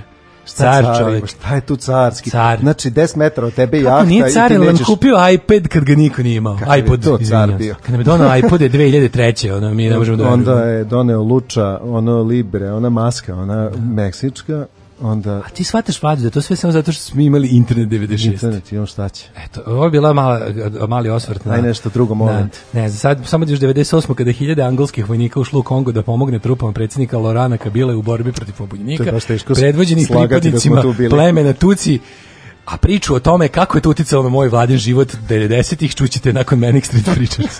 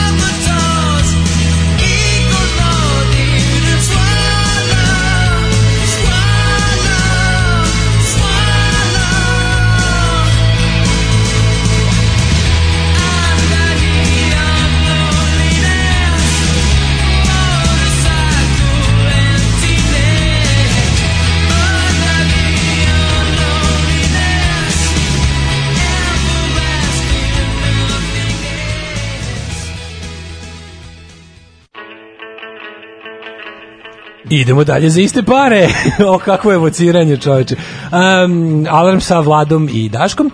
Um, čitamo malo poruke, zapostavili smo ovaj malo čekonicu, čovjek ima što ima, kaže, a slušaj ovo, kaže, nisi lepe. Sve, a sve su lepe, znači to je toliko pozitivne reakcije, reakcije na tebe da ćeš morati još nekad doći. De, Niste vi odrasli u robovlasničkoj porodici kad je sezona dok se otkrmeljeviš, ti si već sprelo pa to 500 kila ovaj zrnaste robe, a tek se viće. Čekaj, jel to čuveni vlada što je? Ne, nije to taj čuveni vlada što me branio, branio od nas, ne, to po, po, po, Vladu. Gošića i Vladu Cvetkovića. Ja sam onaj zajednički, naš zajednički prijatelj. Ja sam naš zajednički prijatelj. Ovaj najsmešnija emisija je bila sa Vladom na Asu u julu 2012. Jebote, nisam ni znao da sam... ni- Šta sećaju? Pa znamo na pamet emisiju. Sad sam se probudila, uključim i odmah sam mu glas prepoznala. Mutirao je, ali i dalje prepoznatljiv. Nisam E, mutirao dok ja sam igrao Wolfenstein. Donji Šton je poznat po kravama uh, koje jedu kese i fenomenalnom baru Mira Furlan. E, jeste, inače prave, zamisli ovo, ja ne znam kako ovo može, ali pravi se azil za krave u, u Cinu. Šta oni tamo imaju dovoljno divljih krava? Ima je previše divljih, a znaš, e, vime im se Da, jak da, se ne sme da jedu, da, ne- da, da, da, i krava ne sme detaljno, pa, što? Ja ne znam šta znači azil, Kra- zašto je ne Pa- ubiju i pojedu? I Ne, zašto ne daju ovim seljacima kojima treba krava skupa jebote? Zašto te krave ne daju seljacima Svi se u ne pa brdima? razumem zašto imaju azil, je li tako? A zašto bi Da, krava da. imala Ali azil? čekaj, kako ne, zašto ne ulove te divlje krave? Gledao neki češki film o kravama? Si gledao to je tako smešno? Da, baš sam gledao češki. A zato što je bio poznat, mislim da je bio kandidat za Oscara. Aha, ne znam. dokumentarac. One neke krave što su pobegle, bila bio neki požar u nekom nešto tako i krave su pobegle u toj frci i otišle su u obližnju šumu gde su se ono kao gde su podivljale krave i jako je smešno gledaš kako domaća životinja u drugoj generaciji postaje divlja. Da? I i jako je dobro, ne mogu se setiti kako se zove, ali da kažem, zato sam mislio da si ih gledao. Mislim, taj film mi deluje kao nešto što bi ti meni rekao da gledam. E, kaže ovako. Reći ću E, ti sledeći put dođemo. Nismo Za osam odustali od slušanja emisije jer smo mislili da je Daško odsutan. pa to je maštor iz Pompeje. Drko na ljudsku nesreću na prednjak iz Pompeje. Nisam u kući moram. A, kaže tekst u novinama, nakon što ste se oduševili lubenicom sa fetom, ko se oduševio? Sve sa fetom ima samo ukus fete. Upravo tako. E, kaže, da li možeš na tuđu maštu da ga baciš, kao što to rade hipnotizeri? E, pornografija ima od kad ima i drkača, postoje još i papirusi koji pokazuju eksplicitne, da ne kažem golišave scene. E, momci, bio sam u donjem štoju, bio sam u donjem štoju 92. Kakav Tito, tad je kralj Aleksandar hapsio kad se ide, nije bilo mrtvi krava, nego crkotine dinosaurusa. Možete da shvatite kakva pustoš je to bila tada. Još uvek stoji u Ulcinju, stoji još uvek Tito je naš veliki natpis. Hvala to Bogu, neskanje, pa zato ćemo ići tamo. A, kaže, da li ste ti godina gostovali u emisiji Polarotor? Kako bih to volao. A mislim A da kako bih jesmo ja volao nešto. Pararot. Ne znam, ne se čini da smo imali neku vezu s njima. Neku smo imali vezu s Polarotorom. Jeste, ali ja sam obožavao ja Polarot. sećam. Nije seksualna veza bila. znam. Ne, ne, obično. Ove, e, golja lažni slaninar iz Krupnja, e, kaže bolje golja lažni slaninar iz Krupnja nego delimanac kopt sa najlona. I divna muzika i veliki pozdrav. E, nisam više ni slaninar, bio sam prekičan na utakmici i odustao. A, I ispisao si si slaninara? Pa, mislim, A, e, ja sam inače veliki delija, Sever i Pančo. Ja znam da si ti, vo- pa, mi- mislim, ljudi ne znaju da si ti vođa pod grupe navijača Crvene zvezde Pančusi, Da, koji su sejali strah i trepet ovaj, 90-ih. Bog na nebu, Darko Pančev na Na zemlji. zemlji, Da. Ovaj, pa sam pokušao da odem na utakmicu, o, prekjuče je bilo Novi Pazar Vojvodina, sa klincem kao aj malka. I je bilo odvratno. Je, ali, znaš ti koliko je to odvratno. Pa da, ali pod, jedan, pod jedan da, dosadno je, ako sećaš epizode s, uh, Homer Simpson kad prvi put ode trezan na bejsbol utakmicu. Da, i kaže, pa kad ovo- ovo je poludi. ne- negledljivo, da. Upravo tako, to je negledljivo kad a, si a trezan. 50 njih na severu ono pra, upropaštava sve. To, to je strašno. Znači, to je nije ovako. Tu, tu navijačku grupu da uzmeš i premestiš i staviš na bilo koju tribinu, bilo kog futbolskog kluba, ti ne bi skonto razliku, jer tu nema jednog dresa Vošina. Da, da, nema tu Jedne Vojvodine. zastave Nema tu Vojvodine, tu Tu, se- je bilo 10 zastava. A tu se Srbija mrzi različiti- Vojvodina kao vo- Da, da, da. razumeš? Znači, piše ovo je nešto Voj, Srbija. sve- Ništa Vojvodina, samo ne se- postoji Vojvodina. zastava Vojvodine Kao ti nema. navijači kao da višu Da, samo da, da. napred, severna srpska pokrena, severna srpska pokrena. Znači, to je mladić, to je ovaj, se vređanje migranti. Da, nećemo migrante, Da. vređanje Novog pazara. Jeste, To je nema, to. znači, apsolutno. A šta je, izvini, imam pitanje, vidio sam transparent ono protiv ovaj protiv Migranata? To sam to to to mi je jasno, to je napisano. A bila je dole panda sa jevrejskom kapicom. A nisam skonto da je jevrejska kapica. Da, ima pamp sa, sa onom jarmukom, E, sa vidiš, kipom. to je jedini bio transparent koji mi se čini, ja vidi panda, sam ja debil pomislio, ovo je bar slatko. A znači ne, panda, to. panda ima dres Novog pazara, to sam skonto. Ali Ja, zašto ne onda ima i... ne ja sam ne, kao mislio kao ne šiptari, znaš, to sve... Međutim, keče je mnogo veće od jevrejska, on je jevrejska kapa, razumeš? Jedino što je bio onaj transparent enac sa vošinim, sa vošinim oni, bojama, čekaj, i nije bio ni jedan. on- ali oni nisu bili na severu, oni su na Oni su istoku. bili na istoku, To je jeste, istok, istok je super. I za, da, ali sever, ništa, to je tih nekih 50 tih naprednjaka koji ono kao Užas, ono ja stvarno ne mogu Da. da, verujem da ko je za ko je svrha, da, ko je Ti si svrha? došao na Vošu da navijaš, pa navijaj za Vošu majkom, kakve to Da, ima veze? da, sa- ne. Ne, ne, niko, niko, nema to veze, ne, to je baš Da, toliko da, je da, odvratno da. da... Pa ne, mora, mora u tom, tom, u, u tom udaljavanju navijanja od fudbala moralo da se desi konačan razlaz za fudbalom. Da. Čak i u tom nekom formu. Ovo je ko, ne, ko nek, ako se sećaš što smo sa onim profesionalnim navijačem, Navijač Zeka. navijač Zeka, profesionalni navijač, tako i ovi ti njih možeš unajmiti i dovesti na svaku utakmicu i Za bilo koji tim. skonto, to je Da, sve. da, Da, da, da, da, da. Nema nikakve veze. Da, ne, nijedan Vošin dres, nije Vošin šal, nijedan transparent koji pominje Vojvodinu. Oni svi su obučeni, oni crne, crno, onaj, kako zove, onaj Island, bože. Stone Island. Ne, ne, ne, sad su svi obučeni u ove, nema... Casual, taj navijački. A sutra malo, sad, nije, sad su svi u ove te neke majice Kosovo, to kao nema predaje. To, a, ne, u otačbine. te- Otačbina, da, da, da, znaš, da, ta, ta, da. vojvodstvo i to. Tako da, ovaj, e, kaže, a da li ste vi sigurni da oni znaju razlike između kap, ali nije, mislim, znaju oni kad, kad crtaju, kad uvredljivo crtaju Albance, znaju da im naprave to veliko, oko ovog jaje na glavi, onako, zato, mi je bilo čudno da panda ima baš tu, onako malu kapu za, za teme. Samo. sam daleko, pa sam mislio sam da je Ja sla, slatka panda. Rekao, Ja sam a, konačno pa nije nije, srpsko, mladić nešto. Da, da, da. Ove, kaže, što na Google Maps piše Doni stoji? A jevi ga, zato što i prepravi jevi. Ove, gde je dobri čovjek mlađa, jer sređuje treći stan ili drugi auto? Je, da se on vraća, stvarno. E, kaže, svaka čast vladi veći je prezenter istine od Kiki Zoze i turistički oskudniji od dobrog čoveka mladene. Super heroj uz budilnika. Motokultivator Emptiness pesmu smo slušali. Ovi, dobro jutro, samo nama u pečenim mačkarima koja je mačka probudila u pola sedam, nego jesam li mi nešto sanjao ili je Daško juče pominjao crnu travu i amblem opštine. I danas Ja, sam u istoj majici. Daško ima I danas sam je majici, pošto je nije, ovo je stvarno grb Znam da opštine jeste, zato mi je fantastično, jer sam video, ali vidim da ti je razdrljana, da si ono... Jesi ti Da, pravio? sit, ne, ne, ne, e, devojka koja je radila je, pa to su njeni sito počeci, pa je ovaj sito Aha, ja bilo sam mislio malo da, zapušeno. da nije mogla da napravi Ne, dobre pripreme. Dobre pripreme i dobri su vektori, nego je sito verovatno bilo malo zapušeno. Znaš da kad smo Danak pravili, na iskustvu. e, Ćati na malom pravio majicu, ovaj fudbalski klub Beočin. Aha. I ovaj odemo oni E, nemaju će grb.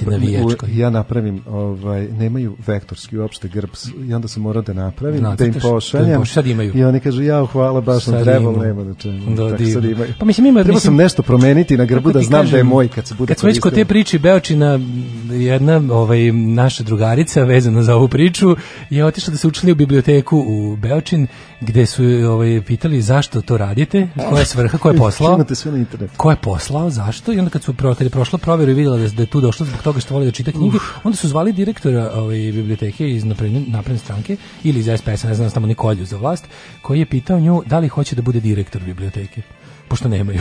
Nemoj. Da, pošto on, on ima ambicije da pređe na neko drugo mesto na sledećim izborima ne. i ostaće upražnjeno mesto direktora biblioteke, pa bi ona, pošto eto, zna Očigledno knjige, knjigu, da. pošto je pokazala interes za knjigu, bi mogla da bude i ovaj, eto, uk, pošto je tako. To je kao što u Rumi dobiješ vozačku dozvolu čim se rodiš, tako u Beočinu dobiješ Mesto direktora biblioteke. u biblioteku, Ali- dobiješ mesto direktora. Ali neš me zajebati. Da. A, kaže, bila je panda u dresu novog fazara, u fazonu njihovi navijači su zaštićeni e, vezano iz incidente na utakmici s Partizanom, a tribina kao podgrupa zvezdinih. Kaže, pozdrav od normalnog slaninara, dok to još uopšte postoji. Kakav Dobro, ne, ne, to sam ja razumeo, to panda, ali mi ni jevrejska A čekaj. kapa mi nije jasna. Jevrejska kapa mi nije. Mislim, da li, da li mora u svako, znaš, da li, da li je antisemitizam deo svakog desničarenja, pa, se- pa se uvijek može ubaciti?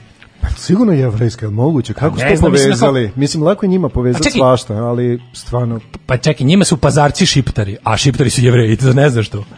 Kako ne znaš to, Bože? Mislim, to, ako su još i ustaše, možda i Pa, A nego šta, svi oni zajedno su zna se šta. Ja sam mislio da su vošini, polu mađari, polu ustaše, ali. Pa ne, ali savrem to kao to navijanje se svodi na to dokazivanje ovima iz Beograda koji te Kako trpaju da si ne- nešto da nisi to. Koliko to meni bilo tužno kad sam znam. prvi put bio ovaj Kad si teo da budiš navijač voši. jeste da i tako prvi put odiš na i tako kad se krenu te navijačke to prave baš Konačno neko sa pravim novosadskim naglaskom za razliku od vas dvojice dođeš.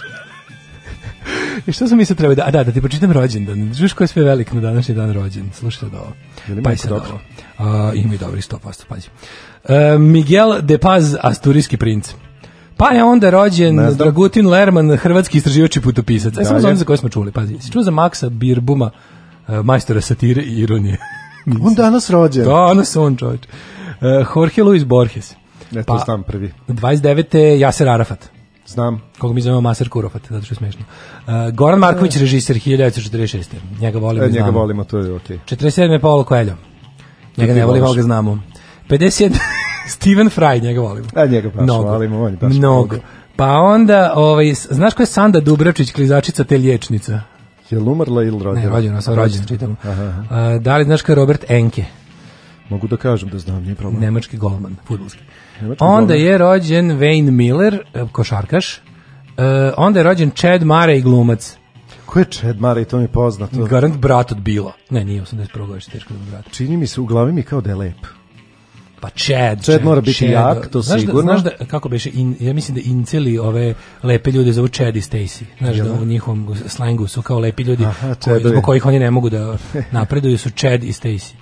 E, tužna priča, to volim da čitam često, da se vraćam, to je baš zanimljivo jako. Da, dok neki ne, ne ustane jedan dan, ugasi komp i odi pobije neki ono. E, 1572. umro je Gaspar de Coligny, pa je umro Papa Sixto V 1590. Pa je umro, pa je se...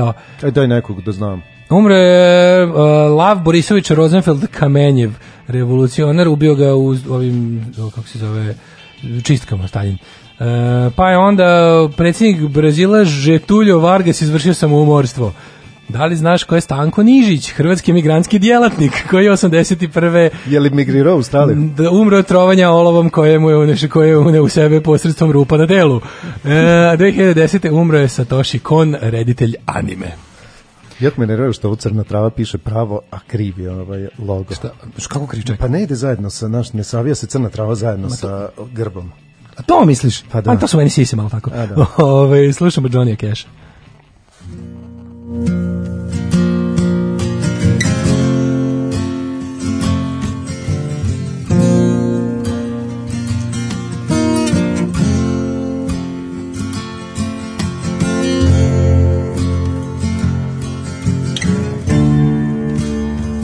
Well, you're my friend.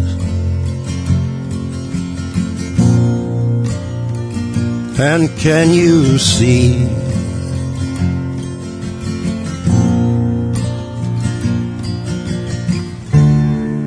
Many times we've been out drinking. Many times we shared our thoughts.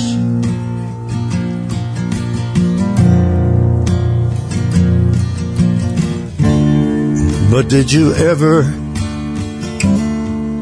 ever notice the kind of thoughts I got?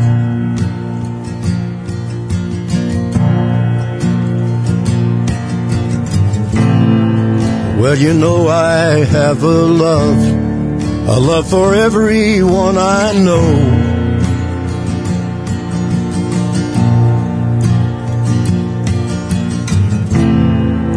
And you know I have a drive to live, I won't let go.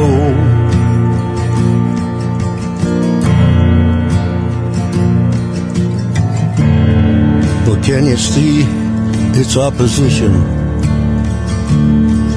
comes rising up sometimes?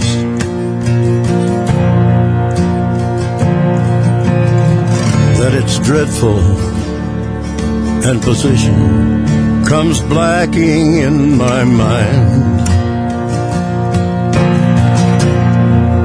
And that I see a darkness, and that I see a darkness, and that I see a darkness, and that I see a darkness. Did you know how much I love you? Here's a hope that somehow you can save me from this darkness.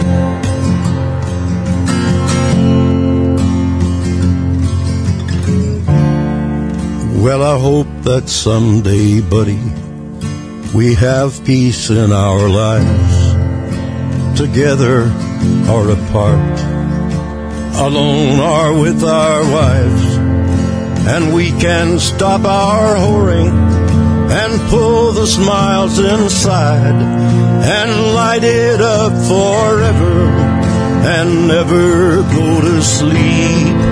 My best unbeaten brother, this isn't all I see.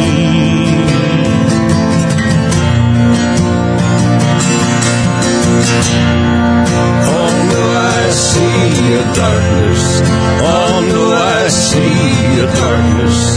Oh no, I see a darkness. Oh no, I see a darkness. Did you know how much I love you? Here's a hope that somehow you can save me from this darkness.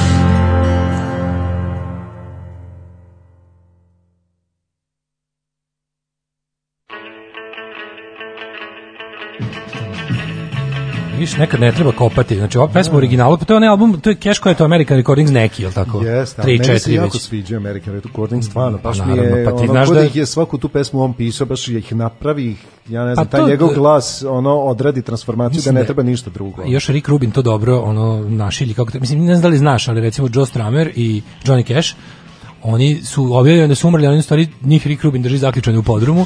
Ti že njima više izlazi albuma nego kad su bili živi. Ono. Koliko ima ovih četiri? Pa Ove American šest, ja šest. mislim. I još plus neki, ono, ne znam, Amerika, novo, ono, evo, Stramer je izašao sad opet novi album prošlog meseca. Nema Dobro, problema. korona bila, radi se. Pa radi se. Kao mrtvi su kreativni dosta. Tako da mislim, znaš, a original, a nekad ne treba poslušati original, da se skenješ. Ovo je toliko bilo strašno, ovaj, ukucajte original ove pre, Pa pesme i koje smo sad mislim, oslušali. bukvalno svaka od keša na tim je sk- skoro sve su bolje od Ringa. Koja nije bolja od Ringa? Nije bolja Meni nije bolja, ni, ni Keva mi Mercy Seat mi je bolja E, od meni, Nick je, Cave. e, meni jeste Johnny Cash. Ti je bolji od Mercy Cave. Seat, da. da meni je mi od sviđa Cave. Ali mi je super od Johnny Cash. Da.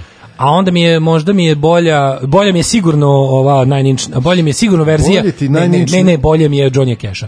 To mi je sigurno bolje Johnny Cash od, od, Apsolutno. od originala Hrta, Hrta, ruskog, a, Šta zapravo ima da je bolje? Ma dobro ima tu par hitova koji su onako baš previše veliki da mogu sad to da... Da se može pored, da. da. Ovaj, ajmo mladi, ti mlađo moj, Vlado, lažni, mlađo, lepi moj. mlađe mlađe, šta je rekao?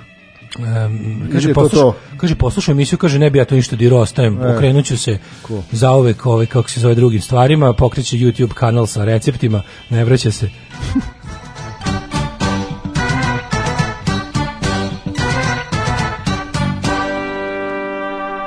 Ovo nam je naš naj...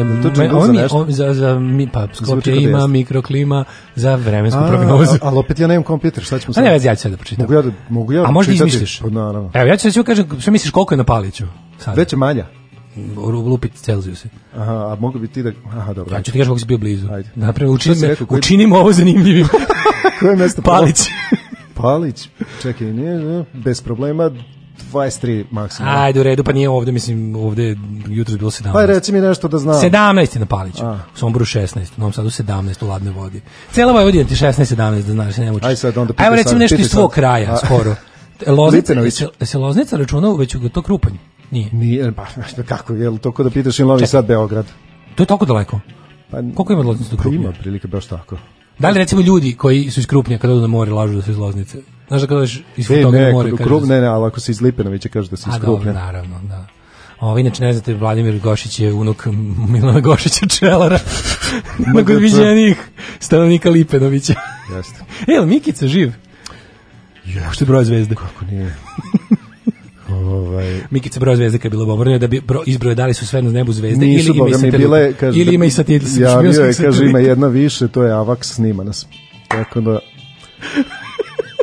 Mislim, može samo jedna cela emisija samo o ovi Lipinović war, war time. to, to poseban Patreon, samo da pričamo o Lipenoviću. Nema tih para. Sremska Mitrovica 17, Valjevo 19, Beograd 18, Kragovac 19, Veliko Grajište 20, Crni vrh 13, Negotin 22, e, Zlatibor 15, Sjenica 15, vidite Sjenica što je topla. E, Kraljevo 19, Koponik 14, Košumlija 16, Kruševac 19, Ćuprija Niš 19, u Leskovcu Prestionici Roštilja 18, Zaječar 18, Dimitrovgrad 18 i Vranje 19. To je temperatura za danas da ljudi znaju kako da se obuku, na što je jako važno. Ovaj, a sad ćemo da poslušamo... miš da stvarno neko posluša opis obuča? Posluša, znaš Stvarno? koliko, da, da, da, ja sam, Ne, to ja sam- inače kod vremenske prognoze bila koji upališ telefon piše. mislim, sad kako manje više sve imaš na telefonu, imaš i bolju muziku nego naše emisije, imaš i Sigurno, da. smešnije ljude na internetu od nas dvojica, ali ljudi vole zašto ne da- ukinete, nas. A mi od ovog živimo, čovječe. Ove, slušajte se da ovo, konačno mogu da putujemo mlađe, slušamo Bučketa. Bučke si i tiho. Nešto iza nas pedere, hvala Bogu. Ajde malo. Koliko traje? 3.20.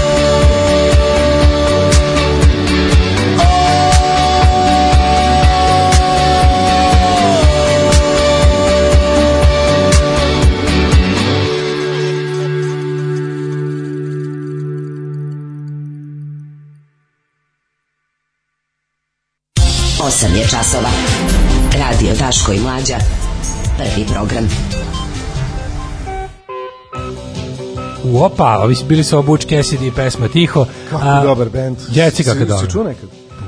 Je bre odličan čovječ. Gledati to live, stvarno. A, ja sam bio na jednom, ono Čuo sam samo samo kao... da si izbegavao, a... Ni, da izbjegao sam, nisam znao da je dobro, onda sam konačno video, priliči još mikrofon slobodno. Ovaj, i, I onda sam shvatio to super i gledao sam i one njihove one filme Euforija što su snimili. Oni to nisam. To je dobro, čovječe. Tako da hvala... Ne, za muzički film gledati, baš onako mora biti dobro. Pa dobro je, Da da, dobro, dobro je. Mislim, dobro gledaš, dobro, da gledaš dobar koncert, ono, nikad tako snimljen kod nas, ono, baš je Mhm. teški svet, što bi se reklo. Ovaj e, podsjeći na dranje sa terase do gradsko zelenilo Kosi park. Ja bre dale kakav ti je ovo Darkwood dub.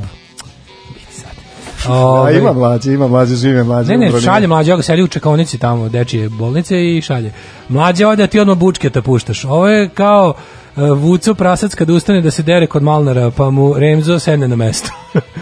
Kaže, Nick Cave izbacio uh, drugo izdanje B-Sides and Rarities, prva pesma koju su izbacili već bolje od prethodna dva, tri albuma. Pa nadam se da su ti B-Sides and Rarities, zato što, mislim, je, vidio se ne lažem, Nick Cave ne slušali zadnjih nekoliko albuma. Taj Skeleton 3, Ghostin, mislim, u redu je, znaš, kao, Pa ne znam, ne ovaj mogu, gosti ne sam pre, pokušao jednom, ali pravo ti kažem, malo mi je, nije Go- samo ne. ni do muzike, nego i težinčine, Da, sve i... Gostin je bolji od Skeleton, on treba da se ubiješ, mislim, to je baš ono, Mm. I to je meni, mm, Ali Gostin ima lep cover. Njima lep cover, jeste. Idemo bučke, garant inbox već na prve taktove zatrpan SMS-ovima mržnje. Um, kaže, ova pesma podsjeća na prozivanje u bučnoj čekonici gde tandrče neka mašina. A shift i delete, o, odjavljamo Patreon, ne prelazimo na hit radio, hit FM ovaj, i tako. Ovaj, e, i ostali odijumi, kaže džabe puštaš bučke, ta nikada te neće prihvatiti urbani Beograd. Ehm, kaže, izdepilirala mi se sama jaja od sebe dok sam slušao ovu pesmu. I tako slične. Ne znam, mislim, ne može, ovo je jedna zatucana sredina. Kome ja ovde bivam, prometej. Kome ja ovde bivam do site, ja stvarno ne znam. Ove, u drugi sat, drugi sat, to je naš sat, ulazimo duboko, žestoko u po- politiku. Prvo, ovaj, da, spo, da potvrdimo... Politiku, jo, kako to naporno, daš, kako to možeš Znam, tražiš? znam, pa mora se, mislim, šta a ljudi to vole, Što, što a ja ljudi volim. ne znaju da ti to, eto, ti to stvarno voliš. Ja to ti voliš volim. da ne voliš. Ja voliš da se ne volim da voliš mrzim. da. Da, imamo ovde, ovaj, šta smo, pa dugo smo bili na odmoru, imali smo sad svašta, mislim, a juče bio... A Reci mi iskreno, dok si bio na odmoru. Nisam ni jednom, nisam, stvarno sam- A dobro, od ovih vesti što svakako sam dođu do tebe. Da. Šta te najviše nerviralo što nema emisije da se isprezniš? U, pa znači, a desi pazi, imao Pa si, imao si svašta. Pa kako, da, si- kako da se ne želiš da se isprezniš kad čuješ recimo tipa Palestinu, imao si ove, Afganistan. Afganistan, imao si to je sve, ali recimo što gledaš kako gori deponija, oni napišu informeru kao Dobrice zapalio deponiju, kao, znaš, kao dronovi, e, e, nije da, nije da kažemo da su oni, ali pre nego što je planula su bili kao nedavno Beograd na deponiji. To, to je da popizdiš. Pa dobro, pa meni da popizdiš to što grad se truje opasnim hemikalijama i što nije bilo jedne osobe ispred gradske kuće koje će dići i reći nemojte me ubijati. Ne, pa Jedne ništa. osobe, nema ne, ne, to ništa. To je sad, to, je sad, mi smo prešli ovaj kao, evo, meni, meni, meni bi recimo tema dana bila ono kao dodela čina, a ja, ja, i dalje, ja i dalje verujem da to nije tačno da, oni, da izdaju neko pojašnjenje da su dodelili Vulinu čin pukovnika policije. E, čitao sam pojašnjenje, nema pojašnjenja, to je to. Znači, stvarno je pukovnik policije. Aj pričat ćemo o tome, sad malo ćemo da čujemo dve pesme, ja ću još prvo da se informišem njim kako, zato što, znaš, ono, ja i u njihovom ludilu volim da uhvatim metod. I onda ono kao kada, ja znam da sve može, ali recimo ja, ja ne volim, ne volim kad sve može, ja volim da ima pravila, razumeš kao, čovjek, i nacizam ima svoje pravila, a ovde baš nema nikakvog pravila. Znaš kad, kažu, znaš kad kažu u Big Lebowskom, you can say what you want about national socialism, but that thing had an ethos. But the guy killed 4,000 Pa ne, ali je fora što ono kao, znaš, kad gledaš Star Wars, u Star Warsu, na primjer, sad je onako ubaci putovanje kroz vreme, kaže, a jebite se, nema putovanja kroz vreme u Star Warsu. To je u Star Treku. Znaš, i onda kao, kad navikneš, već uđeš u neku seriju, znaš pravila te serije, ja mislim da sam ja za 10 godina naprednjaka ušao u u, u kanon naprednjaka. I onda oni tako iz, i ono, i onda oni tako izbace nešto novo. Dobro, ovo je specifično, ovo stvarno Ovo, ovo je teški bezobrazluk. nikada. ovaj, tako Ovo da- je, ovo je, znaš, oni, obično u tim nekim autoritarnim sistemima se ostavi nešto da ostane, da ostane u redu i poredku zašto je potrebno za održavanje sistema tipa vojska i policija. Tu kao nečačka, znaš, Milošević je Milošević je ono radio šta hoće, da, da je njegov sin poželao, da, ali ipak kao nije mu omogućio da bude vojnik i policajac, jer, je, jer mu je to jako trebalo i to je pazio. Ovo je sad totalna psihodelija. Ne znam, Daško nešto mi ne govori da kažem ništa protiv Miloševića ili protiv SNS-a. ti znaš da ja Ti moram, da ti ja- znaš da ja, mo, a moja, Ovo moja supruga radi u javnom preduzeću, ja ne pogrešnom botu laješ. da, da, da. Ove, tako da imamo dve pesme, a ti razmisli ove još malo, pa... Ove, Pa- pa- daću ti bilo 100 bi dobro. Daću ti 100 evra. Slušamo, uh, ko su Growlers? Ovo, evo si nam donao novo, evo ne nikad nikad nisam čuo. Stvarno nisi čuo za Sad ću čujem, rećeš mi šta je to prvo, prvo da ih počujem. Može? ja istražim. Čekaj, samo da imamo i jedan, evo recimo, lep džingl. COVID-19 je jedna vrsta veoma nezavisnog e, virusa, snalažljivog i adaptibilnog. On e, se u stvari aktivira najviše znači putem seksualne aktivnosti čoveka e, pa je to onda e, podržano znači seksualnom genetikom koja se danas veoma izučila i masturbacijom što će bliža budućnost pokazati. Alarm, sa mlađom i Daškom.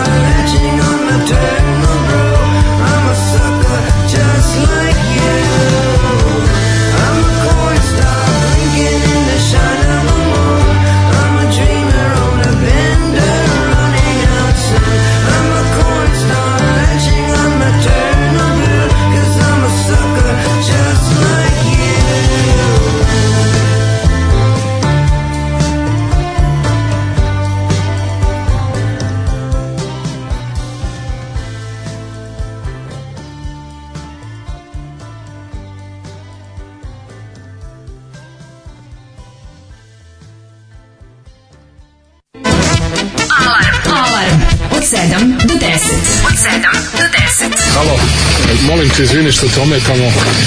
Dakle, samo jedna molba, ako nam zatreba 9 miliona evra za Golubac Milanovac, možemo li da nađemo ili ne? Pre kraja godine.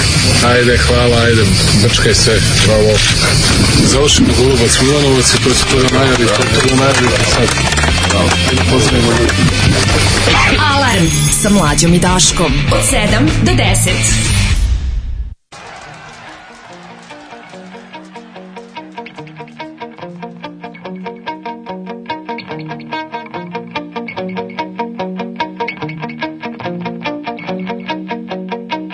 Time's up, heading for a brighter life. The foreign waters put the fire out. No one ever asked you. Wasn't meant to end this way. To end this way.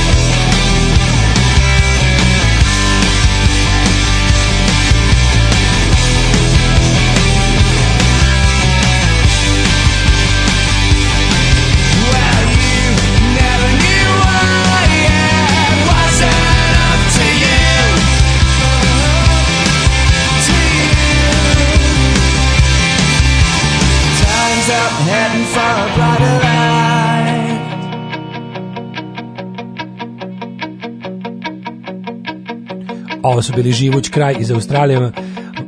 24 evra su za njihov treći album tražili u Cortex prodavnici u Berlinu. Soda. Meni moja vera predaka ne da to. Nisam mogao da dam Pa da 24 daš koliko stotina evra, to ti je okej. Ne, dva- nisam mogao da dam Da, za 24 jednu ne možeš, za je jednu, da, znači to mogu sam da kupim 30 ploča za 200 evra, to, to mi ne da Ja religija rekao, daje. ja u stvari ne, ja sam dobio, evo, da, ovaj Halloween što smo slušali, ja Halloweens. sam dobio ovaj, potpisan, da, to je koštalo sigurno više. Ne znam da li A, ali nisi ti platio? To može, da. Jezda je žena, jezda je iz Pa jezda iz kućnog budžeta, iz istog bio ali nisam ja dao. Da. Dok sam bio već dobio sam na poklon, ono. nisam ni znao da sam sam sebi kupio divan poklon za godišnjicu. Ovaj, e, kaže ovako, ja sam uviđen da ovdje BBC snima dokumentarac sa Davidom Attenboroughom stvaranje nove Severne Koreje. Ovaj, to su pesme, ne onaj tvoj bučki. E, Mark Milošić bio oficir bezbednosti, to mu je omogućilo da bude službeno lice izuzet od mobilizacije za tatine ratove, Mira bila ponosna, a NATO neprecizan. E, Vladimir pušta i bolju muziku, eto samo da kažem. E, hvala. Ove, dodala čina policija Aleksandru Vulinu sada daje dovoljno jako opravdanje svakom poštenom pripadniku vojske i policije da se odmetne u šumu i otpočne gerilski rat. Tačno, i zato će tačno da ih bude nula u šumi, pošto ste o, naglasili o, poštenom pripadniku vojske i policije. Ove, da, meni je to vez dana. Ne znam zašto... Ti stvarno toliko šokiraš. Pa jes, vidi, mlađi, ti, Vlado. Meni je nekako, ja pomislim da više ne može, ali onda kažem ti, desi se, de- desi se da oni u svom ludilu iskoče iz pravila. Znaš, to me, to me poremeti. Znači, ti znaš po kom pravilu oni pravi gluposti, znaš šta neće uraditi, znaš šta hoće uraditi. Zašto su ovo uradili? Zašto je, zašto je potrebno bilo da se Znaš, kao policija je prilično, oni kao da svaki dan policiju i vojsku testiraju, kao, ajde vidimo ćete nas i dalje voleti tako slepo, ovaj, ako vam mi ovo uradimo, a još ovo, a još Ko- ovo. Ko stvarno voli policiju, Bože. Kažem da li će Za vojsku ne, ne, ne, ne, ne. Ja mislim da ne, ne, ne, policija ne, ne ne pričam, kažem, oni policiju, samu vojsku i policiju koji su ono, mislim, ja, znaš kad mi neko kaže kao ono, nema, kao to su profesionalci, ne vole oni Vučića. Amatori, svaki policajac obožava Vučića. Svaki policajac s kojim sam ja imao posla mu je veran kao SS Hitleru, znači ono apsolutno Mislim da to nema veze sa ovaj Ne Vučićem, čime- sa Vučićem, da će kad dođe sutra drugi biti drugi. To Ne to znam, ali Vučić im ipak omogućava neverovatne stvari. Mislim, znaš, ono kao, onaj policajac postaje čovek koji voli da maltretira ljude. Onaj ko ti omogućava više bezakonja i mogućnosti da otvoreno maltretiraš ljude, tog više voliš. Mislim, ja bih ne možeš voliti Borisa Tadića kao Vučića, ipak je ono kao Vučić veći sadista, sadisti razumeju sadiste. Ono. I onda je ono kao to normalno. Ali mi ono, ali opet i on njih, ono kao, ipak i ta policija ima neka svoje unutrašnje pravila, tako neke stvari, znaš kao, imaš policajca koji ono radi čovek, znaš, kakav god da je, on ipak kao radi u toj službi toliko toliko i bude za 15 godina, bude, ne znam, komandir, kapetan, znaš, ne, mislim, znaš, ono, načelnik policijske uprave sada je major. Oni ovog proizvedu u pukovnika koji spičke, tako bez veze, dunulo im. Prvo ti kažem, nemam pojma kako to uopšte ide, pošto... Pa kao kako po bilo njihovo- čega postati pukovnik, Čitao sam njihovo zvanično saopštenje, otprilike vremenski je prošlo toliko vremena da jednostavno mora biti tako nek... mm, Pa čega je tako. prošlo, kao rodio se, pa, pa kao, ne znam. Na, pa to ti kažem, saopštenje je bulja i nije mi jasno zašto, kao, znaš, ako već imaju, ako imaju policiju koja ih obožava, što je, što je tako ponižava, što je zajebavaju, razumeš? Što to rade policiji? Pa zašto? Zato što se može. Može Iz istog razloga- po dva, ti stvarno misliš da neko to analizira ko ti ili to jednostavno Pa ne znam, ima li ko čeka, ima, znaš kako razmišljam, ima policajaca koji rade s tog kao napreduju u službi shodno svojim zalaganju, z- po pravilima. O Bože, post- Daško, po policiji te gaze od kad si ušao. Te Pa gore od vojske te gaze mi je ja znam da su stop, to poslušnici I po prirodi. da ne, ne, meni je jasno da je vojnik šta policajac po prirodi ono kao slušač, on poslušač. Možeš misliš da on gleda svaki dan, ono. A brate mili baš kao dođe lik s ulici pa izvede ga u pukovnika. To ti je ono, znaš, ono ima to, to- je drugi najveći čin u policiji. Kažem ti načelnik policijske uprave sada je major, to je niže od pukovnika. Vulin je sada bog policije. A drugo, šta mi još nije jasno, pazi ovo ludilo. On sad ne može više da bude ministar policije. Zašto polic, ne može policajac da bude ministar policije, kao što vojnik To ne postoji. može pa civilna kontrola. Znači fora je da policija odgovara civilu koji odgovara premijeru. Vojska, načelnik generalštaba odgovara ministru odbrane koji je civil, kapiraš? I sad to ovi su, ovi mi tek ništa nije jasno. Zašto sad baš ovakvo pokenjavanje po ustavu? Mislim, ja znam da ovi seru po ustavu, ali sad već ono, otprilike, jo sad ide i proliv preko govneta. ono. Pa mislim da je jedan od razloga to što, što upravo to pitanje niko nije postavio osim tebe, za ne?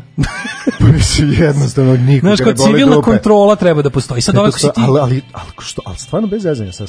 Ko, ko, ko, što niko ne postavlja pitanje? Pa ne, znam, Ostavića, pa biće, razumeš, kao znaš ko će Ko biti. će postaviti, Biće, Kesić, Obućina, Pa biće, razumeš, to ono, i i to će tako, Pa da, mislim, znaš, pa kao, to da. je ono, i onda će, ali Govorimo o opoziciji, biće N1. govorimo o nečemu. Biće, biće ono, biće ovoga, e, ono kao gosti N1 jutra, biće, znaš, to kao... Znaš, ja sam siguran da u Beogradu, na primjer, ili u Srbiji ima Pravnici će da osuše usta, ono. stotine uh, ekoloških udruženja. Zbog čega ni jedno nije došlo sa Ma jednim jeste, čovekom i što napravilo protest kad je bilo ovog sada u Beogradu. e, Niš da je bilo nešto. E, jeste, ali to nije ni vest više. Znaš, ono kao ti, mi, sad, mi te ljude smo navikli da gledamo kao na ludake. Znaš, čoveka koji i dalje pruža otpor u ovolikoj nepravdi i u ovakvom besmislu, ti ga počneš, mislim, ima to, neću kažem s pravom, ali logično je. Znači, počneš da čoveka koji dalje pruža bilo kakav otpor, počneš da ga smatraš malo ludim. Pa znam, ali 20 ljudi kad se skupi, na njih to stvarno i reagu, oni zavisi reaguju kako, na to. zavisi kako. Mora da... Bukvalno, kad si vidio ove najmanje proteste, pa oni krenu da, da dovedu svoje, se dupe, dovedu svoje, dovedu znaš. svoje ekološke. Znaš kao pitanje je dana kada će ako ako ta ako zaista ekologija bude počela da bude faktor na nekim izborima, naravno da će Vučić napraviti svoj ekološki da. front, ono da će biti Zeleni da će biti zeleni, da, to je već ima ima ima ima, ima tih ima tih da da da da da ima tih ovaj ono kako da kažemo ono tih udruženja građana koji s njima koji mogu da budu bilo šta. Kad treba, znaš, kako što su, kao što se, sveća kad su ono vreme bili feministi jako. I to je bilo To je, divno, to je baš bilo divno. Kad su bilo ono vreme divno. bili jako feministi, pa su onda bili antifašisti, pošto je Boško Obradović bio fašista. Sad kad Boško Obradović više nije fašista, ove, sad ni oni više, opet normalno, nisu antifašisti. Ali ovo sad, mislim, bit će oni Mislim ekolozi. da još malo drži to sa ženama. Žene još uvijek šalju ili mi to lična fora, šalju se na proteste. Ali više nema se onog, nema onog, ono bilo u jednom momentu bilo gotovo me too čoveč. Ono. To je bilo ono kad je bio sa Pinkom, oni protesti i sve, onda su se gurale žene u prve. To Da, je bilo da, da, da. U jednom trenutku bilo gotovo kao da gleda kao šta je ovo, misliš, gledaš ono Vogue Hollywood odjednom. Mislim, ima si utisak kao, bog te, vidite ove naprednjake, to neko, neko je ceo vikend sedeo i čitao Twitter, jebote, ono, Aziju Argento i onoga Ronana Farova, kao, on baš se radio domaći, ono. I onda Ali- dođe ministar. Onda dođe Đuka, jebi. Ne, onda dođe ministar. A, da. Da, dođe Dođe, nistar mi i jevi ga i to. to. Kaže, to je prst u oko, može im se. Ma dali su im beneficirane cene stanova 500 evra po kvadratnom metru. Ove, sad sam se uključio, čujem Daško glas i odmah znam da preko puta nije mlađa. E, ove, kaže, Volina malo dete koje je ostalo zaključano u robnoj kući. Da, jeste, on, on je, a zašto? To mi drugo nije jasno.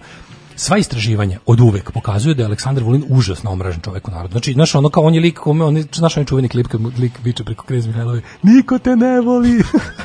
To ja stalno govorim mom sinu. Stvarno. otac godine. Ovaj uglavnom kao znaš, mislim, znaš, to je jednostavno on je Vulina čak ne voli ni Vučićevi glasači, on je univerzalno omražen čovjek, jednostavno čovjek je ono, ne možeš ga voliti, razumeš, takav je, ono, svi ga, znaš, to je jedan od retkih ljudi kome manje više svi pamte sve šta je radio, jer je ceo život samo užasan. I onda kao, tu njegovo, sturanje njega, što to jebote, znaš, kao, gde logika? Pa dobro. Nije čak ni šok absorber za Vučića, nego je, počeo je, Ne, ne, Vučić u ne, vreme ne služi počeo, čak ni za bacanje pod autobus, nije to pa to. ne, znaš, mi znamo da on služio za među kao da, da u regionu potpaljuje požare koje će ovaj da gasi. Ali ono kao sad u poslednje vreme ga nekako ovaj imaš ili imaš utisak da Vučić ne ponižava više Vulina kao pre. Da počeo da ga kao da ga voli čak. Da se počeo da se odnosi s njime Zajedno oni pravili ove sendviče sad. Je bio ovaj, tu i Vulin? Ne, to nije bio Vulin, nije bilo potrebe za njime. Ne bio Mona, bio, Mona, da. znam da je, da. Znaš, i onda mi nije jasno to taj zaokret, da odjednom kao posle, znaš, uh, Ne znam, to meni generalno nikad neće biti jasno i ne pokušam da mi bude jasno, jer to je to, to, je ti to, kažem, to moj je problem, to, je- to nisam je- ja više, do, koji si rekao, odakle ti više da se začudiš, nisam začuđen, ja sam, ja sam, ja, ja bi da razumem. To, ja bi da razumem. Ako je vama jasno, slobodno nam javite, a mi ćemo da čujemo šta je She's the One, to si, to Ramonsi. Ramon se to znaš, ovaj bend iz Amerike. Ne, su, nismo da. Growlers se spomenuli. E, pa šta to, su to, to Growlers? treba ljudi da slušaju. To je, Pa, ovaj, e, neko rekao da je super stvar, pa se pitaju šta je. a, to su Ameri, a, sad ne znam, ja sam znamo iz drugih bendova? Ja, ne, ja sam ih malo čudno ovaj, krenuo slušati zato što me pevač podsjeća na Benicio Jetu. Del Tore iz, Benicio Del Tore iz Fear and Looting Las Vegas. Znaš, onaj Samoan uh, Naravno. lawyer. Da, da, da. E, pa tako As izgleda- a your lawyer, I strongly E, advise you. A pošto volim Jela Morose i stvarno, ta, a peva malo onako komanski, malo meter ima 20 dinara. Da, da, da. I, ovaj, Ima malo taj, ono, treba mi za kartu nje, do Banja Luke. nje, nje, nje, nje, nje, ovaj, a pritom ima fantastičnih pesama, kad, nije, kad nisu baš na, na, na igli, imaju fantastičnih pesama. Kad su nigli gramofon, sad ćemo čujemo Ramonse koji traju jebenih 2 minuta i 13 sekundi. Pa nemoj od Ramose, ko još Ramonsi. pušta Ramose? Mi puštamo Ramonse, zašto je dobro pesmi slušam iz nekog razloga. Baš ste nas iznenadili svojim prisustvom danas ovdje. Da, e, veliki, mogla bih reći, jedan od najvećih fanova. Ovo posle smrti mog supruga, ovo je najveća radost za mene. Alarm. Alarm. Svakog radnog jutra od 7 do 10. Sa mlađom i Daškom.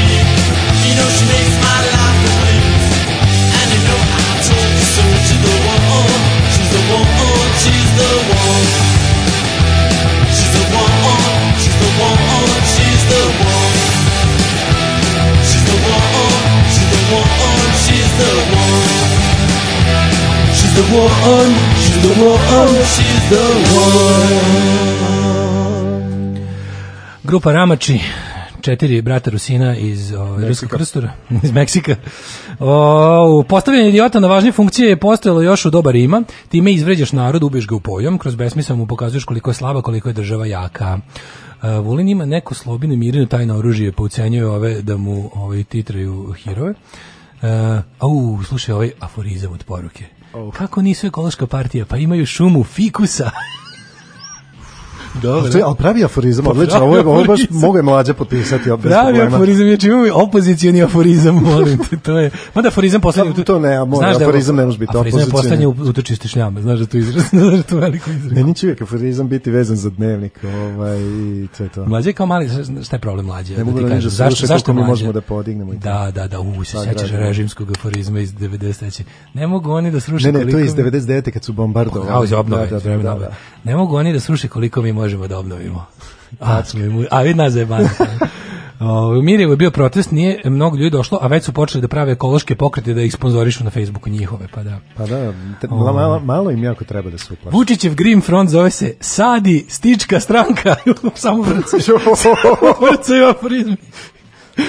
Ove, e, ajdemo da idemo na temu dana Mla- mlađa otvorio Ja, na tvoju- Courier. Natakari se ispred Reci mi, mikroskopa molim te. Daško, koliko si puta juče gledao na repeat snimak Bijele? It was my Bijele. it was my porn. Kako je ti Ja, kažem? ako sam ja pet puta vratio, ti moraš sam da se si ja? 20 puta. A bilo je dobro, prvo sam gledao, znaš šta sam radio? Ja imam te ob... Prvo zamišljao, onda pustio. Onda pustio da je lepo kao što sam zamišljao.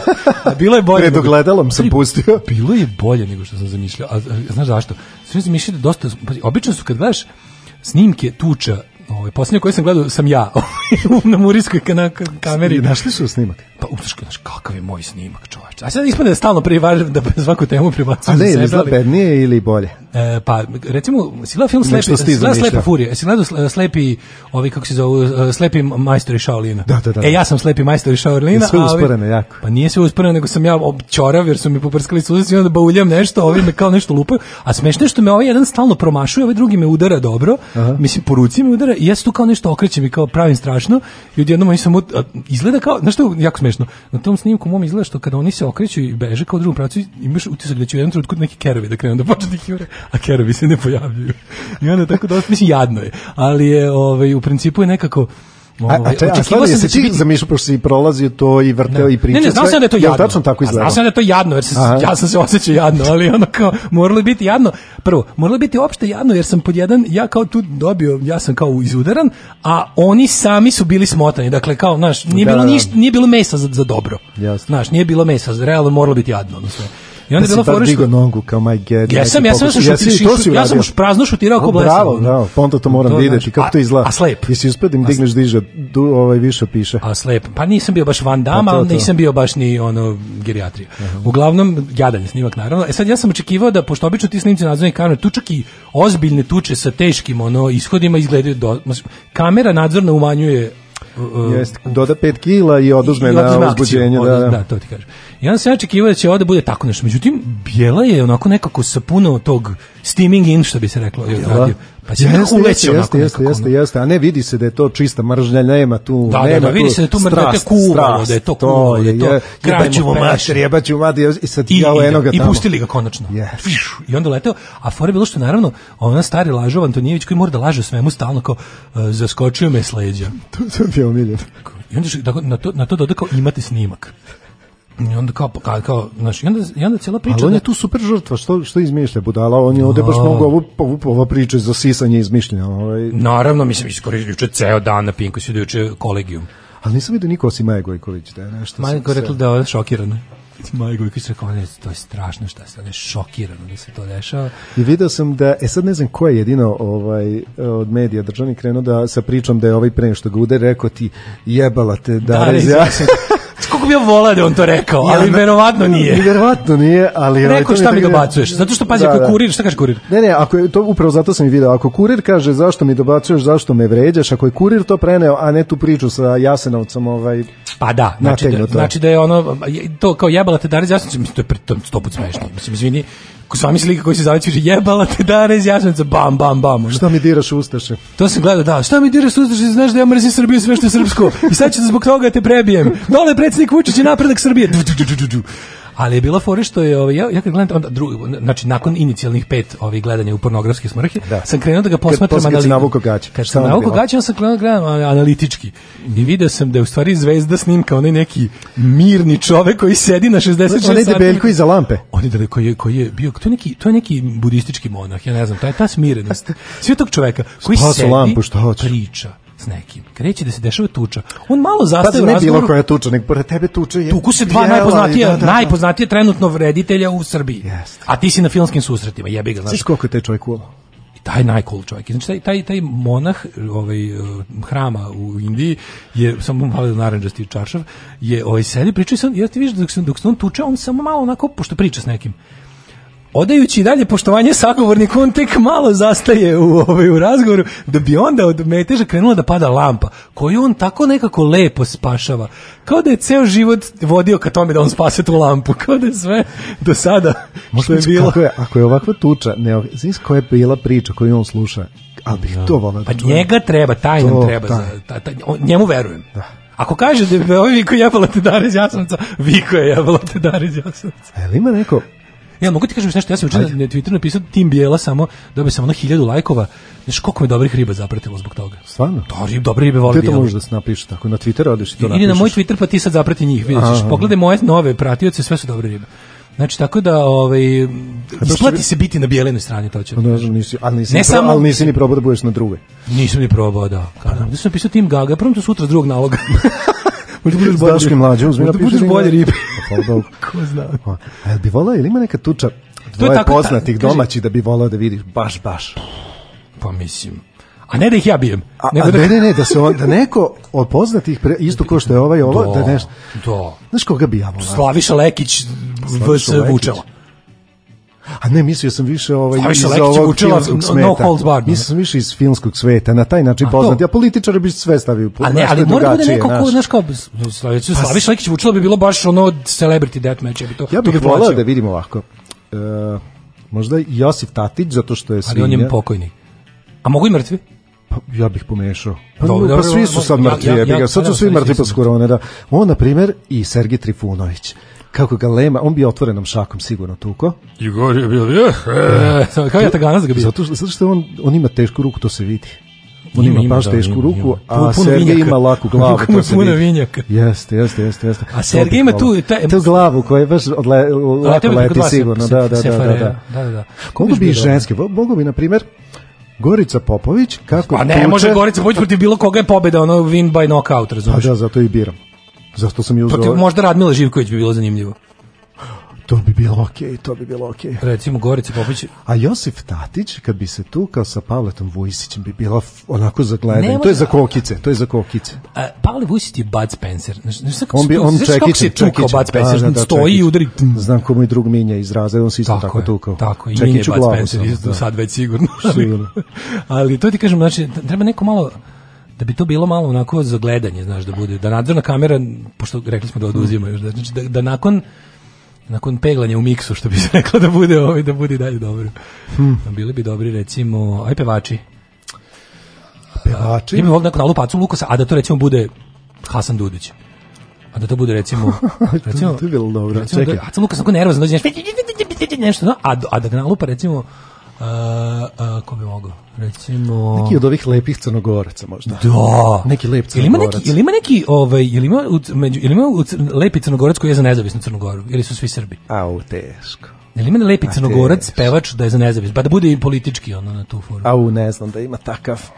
Nije A isto. ti bi odmah i politički Pa, background da ja, možeš, da možeš mislim, da, ja, da. Meni, ja, meni su gaće već na butinama, a hoće da budu na Ne, člancima. ne, razumem te, ali ne, ne, tu sumnja da to može.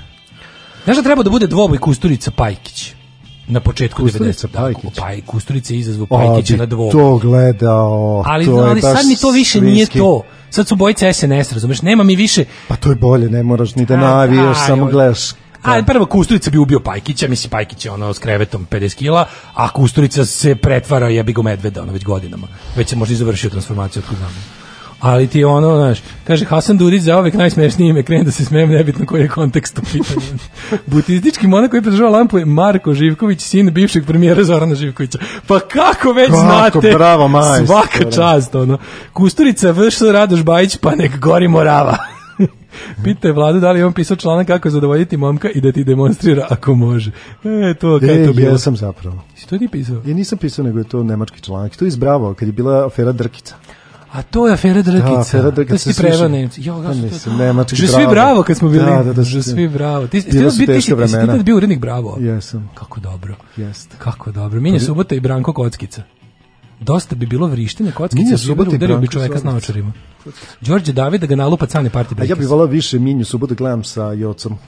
Adamovim. Da, to bi godine su- kuvalo, to je da, kuvalo da, da, kuvalo jel tu ima, to kuvalo. tu ima strasti, tu ima toga, to što smo videli kod Bjelogrlića, tu bi bilo bi mržnje u očima. Pa to ti kažem, ne samo... mora da bude malo ti si prebacio, ti si prebacio više na to, na, samo na izgled, kao tipa ono, znaš, kao da. medved bije tekunicu, razumeš? A mi bi nekako...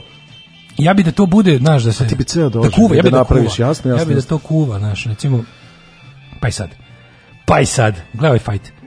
Jorgova, ova ne, ova Vjerica Radeta, Pa VS, recimo... Rećeš, a moraš neku isto tako kao vještica. A, Znaš šta je fora, recimo, Vjerica Radeta vs. Vesna Pešić, bilo to, ali ja bi da pobedi Vesna Pešić, a to A ne može. ne može, a to ne može, i onda ne bi to da onda, I onda ipak ne bi to da nemoj. A ja bi da pobede moji. Tako da ovaj, tu bi moglo da bude samo, recimo... kakva je Jadranka Kosor u, u fajtu? Ja mislim da je baš dobro. Pa zašto je da Bruce Lee ostaje onako? Da, da, da, Plus jede ta sranja, jede ta, ona jede ta sranja koja sama sprema. Jeste. Sigurno bar zdravo ako nije lepo. Čini mi se da se loži na sve, pa bi se i na fajt onako ušla bi skroz. Jadranka Kosor protiv ove Kolinde. U, može. S tim što bi to... U, to, to bi baš bilo spuštene gaće. U, majku ti. E, Je li da je Kolinda najhot ikad, ono, predsjednica države, ono, visoka funkcija na svetu ikada? Jel da jeste? A garant je bilo neka Ko je bio bolji od Kolinde? Ko, ma kakvi? Znači, ajde ne, sad ne znam kako izgledaju predsjednice opština po svetu, ali...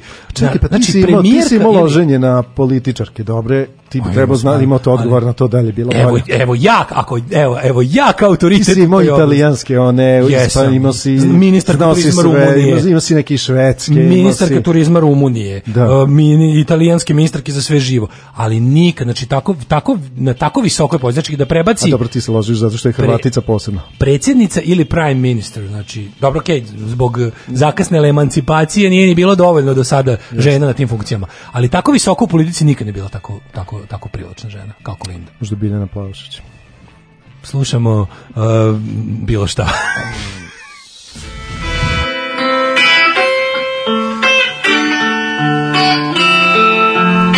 Alarm svakog radnog jutra od 7 do 10. Od 7 do 10. Postoji žena koja je verovala da je zlato sve što sije, da ona kupuje stepenice ka nebu i kad stiže tamo saznaje da su riznice zatvorene. Alarm svakog radnog jutra od 7 do 10. Sa Daškom i Mlađom.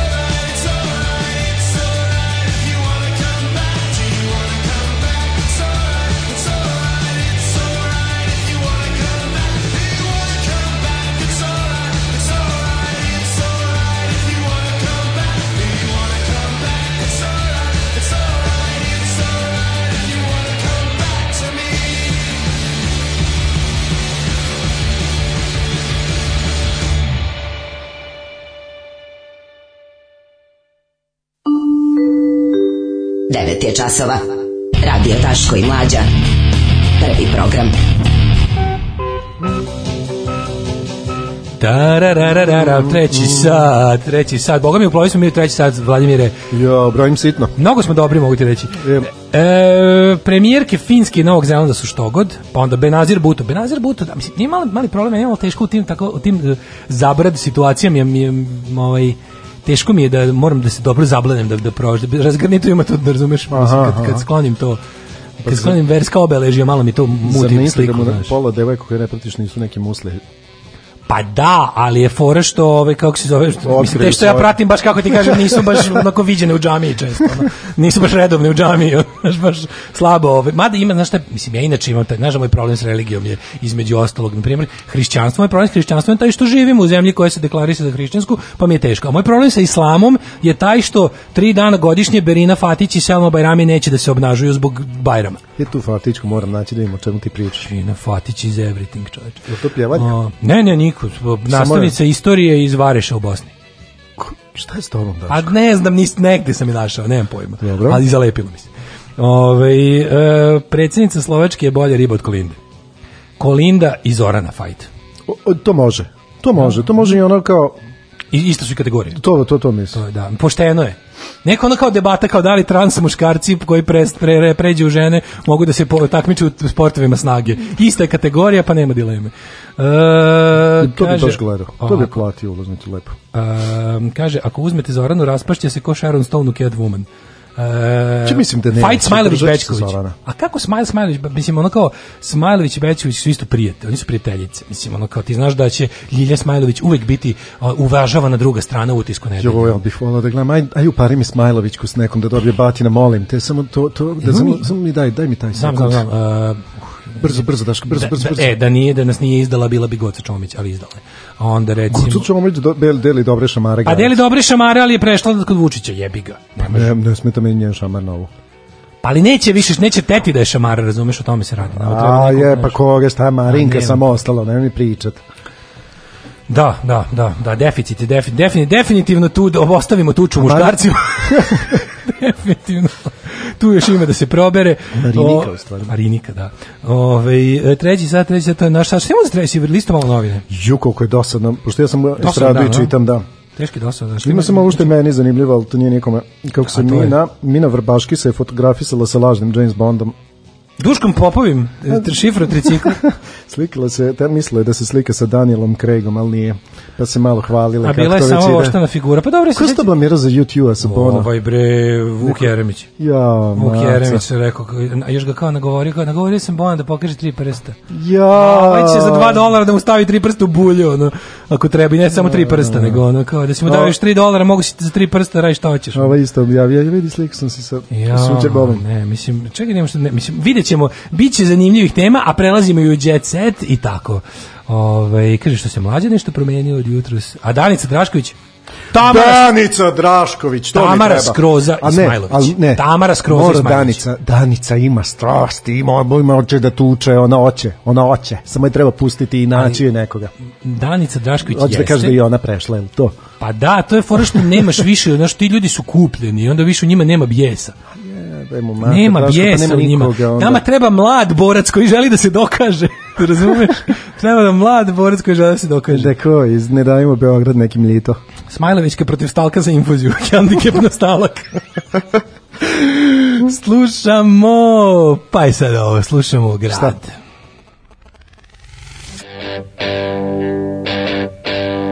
I kome nagovori da uzgajam pečurke? Srbi i šampinjoni. Srbinu treba meso, škembe, lukac, lukac, lukac. A ne šampinjoni.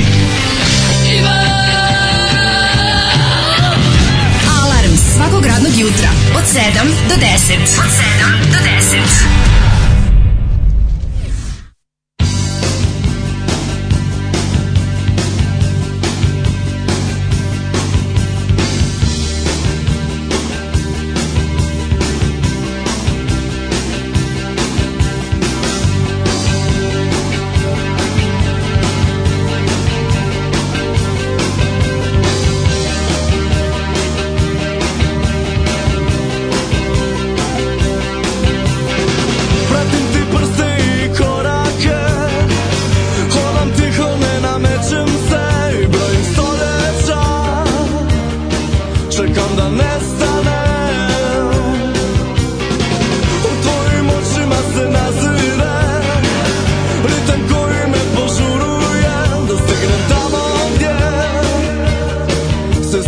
Se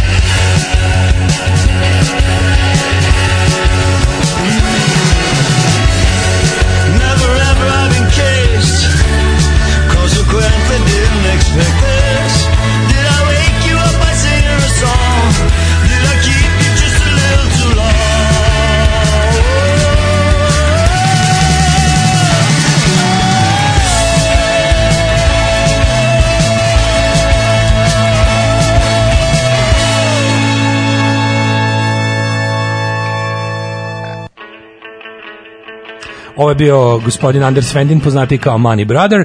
Nema ga čoveče, ono, E, ovaj, smirio se, dobio ženu i decu. novu dobio ženu i decu. Kupio neku lepu kućicu, nervira. svirke samo na norveškom tamo u okolini, neće ni na engleskom više da pjeva. Znaš, on ima, ne, znaš, on ima neki, mi- da, on je Me Too-ovan bio isto. E, to nisam Ali znao. to je jako ispolo ispod žita bilo. Jeste, ja posle više da čitam po netu. Pa da, ali nema ništa. skoro. Pa nešto, neka riba ga optužila da ne znam šta i onda Da. je on rekao jeste kriv sam i onda. Jeste, i- vadio pišu nešto. Da, vadio sam, ne, ne, da, vadio sam pišu. Nešto. Da, i vadio sam ga bez povoda, a vraćao sam ga bez časti, tako se to kaže. To inače piše na švedskim gaćama, ne znam da li znaš, kao na srpskoj oficirskoj. pišama, to piše. Na švedskim gaćama piše ne vadi me bez povoda i ne vraća me bez časti, kao srpska sablja. Međutim, on je to uradio bez povoda i vratio ga bez časti. I onda je rekao da, izvinio se, rekao da ga sramota i, i, i sklonio se nešto iz javnosti. On je šved iz mesta koje se A. zove Ludvika. Ovaj, a ti nisi bio na koncert, e da ti pričam kako je dobro. E, ali onu majicu koju si mi donao s koncerta nosim još uvek, iako je tad prošlo jedno to je, znaš kako, to je ta vrsta majice koja je sve bolje što je starija. To je vintageovština rođena. Mm, Jeste. i- To, i ta majica će biti sve bolje i bolje. Jeste, što je jeste. više žutiš ispod pazuha, ona će da bude A, bolje. i Obično su bolje. metalske me- majice bolje ovaj, vremenom. Pa ima dve vrste, jedna je metalska koja izbleđivanjem, a drugi su te bele koje su tipa... Lepe jedino nikad nisu. Kad su lepe majice, to ne... ne, ne Lepe majice su bude- lepe samo dok snove. Jeste. I zato ih treba habati ravnomerno. Mm. S nama u studiju Vladimir Gošić je roditelj i rudar. Se sećaš roditelj i rudar? Ne.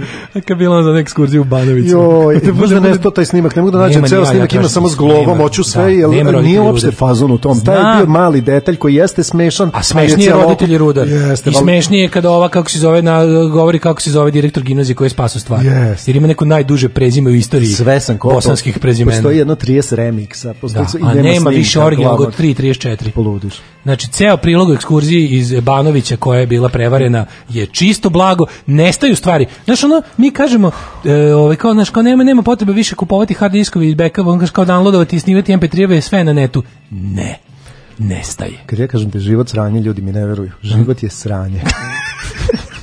Znaš ti šta je sve nestalo sa tog YouTube-a? Pri striptizu žablju. Nema, nema originalnog Na primjer. Drašković je bio nestao, ali ga neko vratio. Ne, ne, nema pravog. Sad ima, sad, sad se više ne zove radnici tovare Vuka Drašković i to više nije to. Pa to odmah izgubiš 60% Naravno, smešno. izgubiš 50% smešnog. Onda nema striptiza žablja originalnog. Onda nema celog izveštaja o ekskurziji u Banovićima. Onda nema, čekaj, šta još fali? Fali gomila stvari. Pa neki samo ovo, pa Tako da dovoljno. kad vidite nešto dobro, skinite na kompjuter, jer šta? Šta je cloud nego tuđ kompjuter? A taj čiji kompjuter može i da ga obriše. Tako da to, a s nama u studiju je Vladimir Gošić, roditelj. I, Dobro večer. E, dobro jutro. dobro večer. A, vi ste roditelj deteta koje ove godine, eto, i to se dešava, nažalost, strašne stvari se dešavaju i mališanima kreću u školu. Jeste, mislio sam da, se, da će mogu to zaobići, ali eto, došao septembar. Da, i nažalost, naž, da, pokušali ste sve. pao. Rekao si mu da se ga to društvo, rekao mu valjda da se u pravi da, rekao si mu da se pravi ovaj kako se zove ometeno na testiranju, Ne, ne. međutim prošao je. Ne vredi, izgleda da ne može pasti više test na, ne za može prvi pasti razred. test za prvi razred. Tako što meni znači šta? Pa Novi evo, trošak. naravno, evo, Blic ima temu. Prvo nije nam jasno kako je, kreće u školu, ići u školu, normalno u Kreće, školu. ali pravo, ako ćemo sad baš iskreno skroz, ja ne znam koji su troškovi, jer ništa nisam kupio, a kreće za nedelju dana. Da, pa o se teo da razgovaramo. Dakle, vi niste detetu kupili još ništa. Ali Ko samo sluša- zato što su cene tako visoke. Ko sluša socijalna služba, evo, preko puta mene je roditelj godine koji detetu redovno govori da ga ne voli i nije mu kupio ništa za... Čekam da grad kaže da će ipak oni sve platiti. Koji ćete pristup odabrati? Kojim ćete se carstvo prikloniti? Da li će, ovaj, evo recimo, ja se sećam da si ti u srednjoj školi, ovaj, kako se zove, imao lepe stvari. Ja, na primjer, nisam imao lepe stvari. Ne samo lepe, nego skupe, što Da, je to skupe, ti mnogo, si to je mnogo i što nisu bile samo lepe. Ali ti si bio dobar čovjek, pa si mi davao da se igram tvojim stvarima. Do odmora. Do Do odmora sam volao svoje stvari nazad, da imam To je kod istina, mene da jeste. stoje. I to je stvarno istina. Da li ćeš ti biti, da li će tvoje, da li će tvoje dete znati da ste vi bogati? Ili ćete kriti, pa ćete mu tek na 18. rođendanu reći, mi smo u stvari bogati sine. Pa ja bih volao da možemo to da ali me povukla ova struja dobrog čoveka, povukao me najlon Da, i da. povuklo me sve to. A s obzirom da mali na sebi ima sve sa najlona E? i u sobi da ima svaka igračka da Još jedno pitanje, da li svog sina koristiš da prikazuješ svoju kulost? Tipa, da li mu kupuješ majice bendova koje ti slušaš? Pa ne mogu da slažem i kažem da nisam, To ali apsolutno jesam. Kad odeš u St. Pauli, neš mu doneti naravno majicu, ono no gads, no masters, da tako mali šeta smešt. Jeste, naravno, znači bio si jedan od tih ljudi. Apsolutno. A šta radiš kada ga recimo zaustavi ljudi i se kaže, ajde dve pesme Dead Kennedys, ajde sad da čujem. Pa Bože zna, da zna Kennedys, da pa je, nije da. da su zavukli ne znam šta. Jako je važno da detetu kada preko njega isteruješ svoje kuloću, da ga i naučiš da ima ovo kako se da ima da ima pozadinu, znaš. Da, ovo ima loš jako ukus u muzici, ali da. Stvarno, e, i to, to je drugo pitanje koje me zanima. Recimo, ka- kad mi, mi se super muzičkim ukusima ljudi, ako to pokušamo da prenesemo na potomke, jel to uspe? E, a, pa ne možeš tako prenositi, inače ćeš ih oterati. A. Nego znaš šta sam ja radio? Ja sam mu puštao buku, Dvors, na primjer, sve, sve to sam mu slušao, puštao, ali ne zato što znam da će slušati, jer ne može da mu se svidi, je normalno dete. E, Nego viš mom Jugu majku, on njemu omiljena pesma u životu Johnny on the Ja. spot. Omiljena u ovaj, životu, stalno to traži. Čisto da bi navukao uho na buku, znaš. Da, da, da. Jel ne može tu da mi se... Da shvati da muzika nije la la la i nja nja nja. Upravo tako, a on ovdje, pošto drnda one YouTube-ove, onda sam tako nađe svoje pesme. Ne znam, tako neki ima John Cale izvesni, ne znam. John Cale, znam ko je John Cale. E, ja nisam znao, e, to mi, Ali ne recimo, to je našo i to sluša. Pa dobro, okej, ni mogu i gore da prođe. Pa ima, ima, ima i gore, ima Brawl Stars, to ti je rap pesma o igrici Brawl Stars, mogu ti cijelo otpevati. ali Nemoj, a da- ovaj kako se zove, a jel sluša autotune?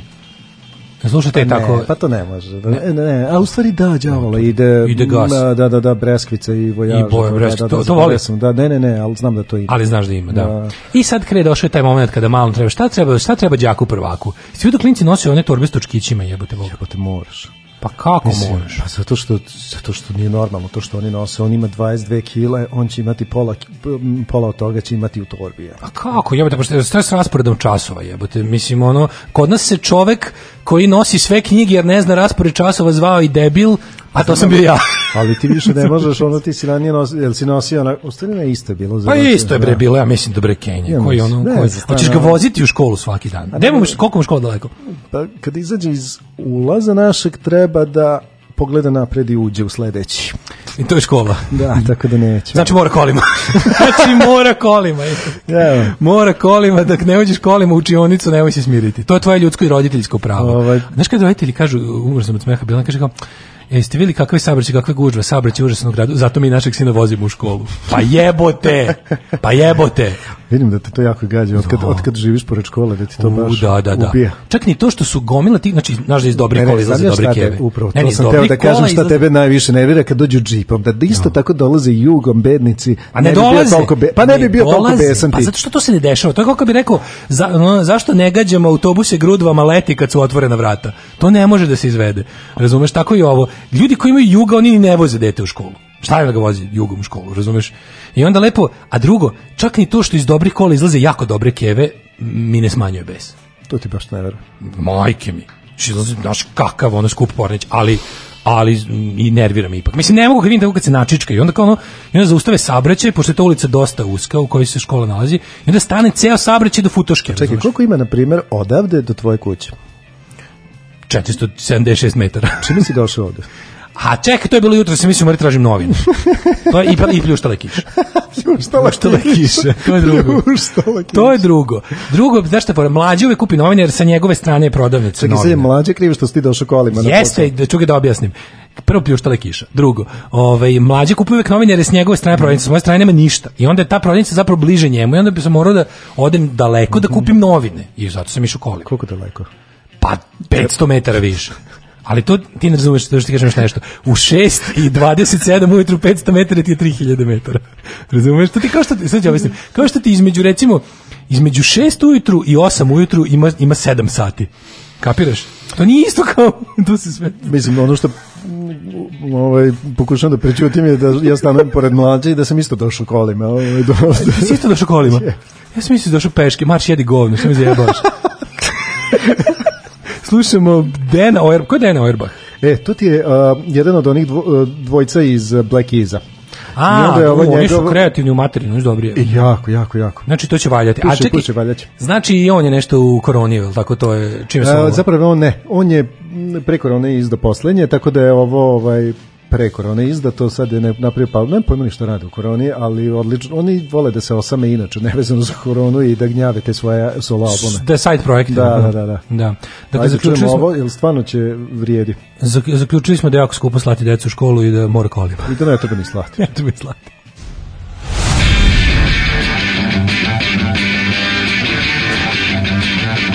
Sutra idem na razgovor neku pekaru Pekara od pola šest radi, jebem ti pola šest bogova. Alarm sa mlađom i Daškom.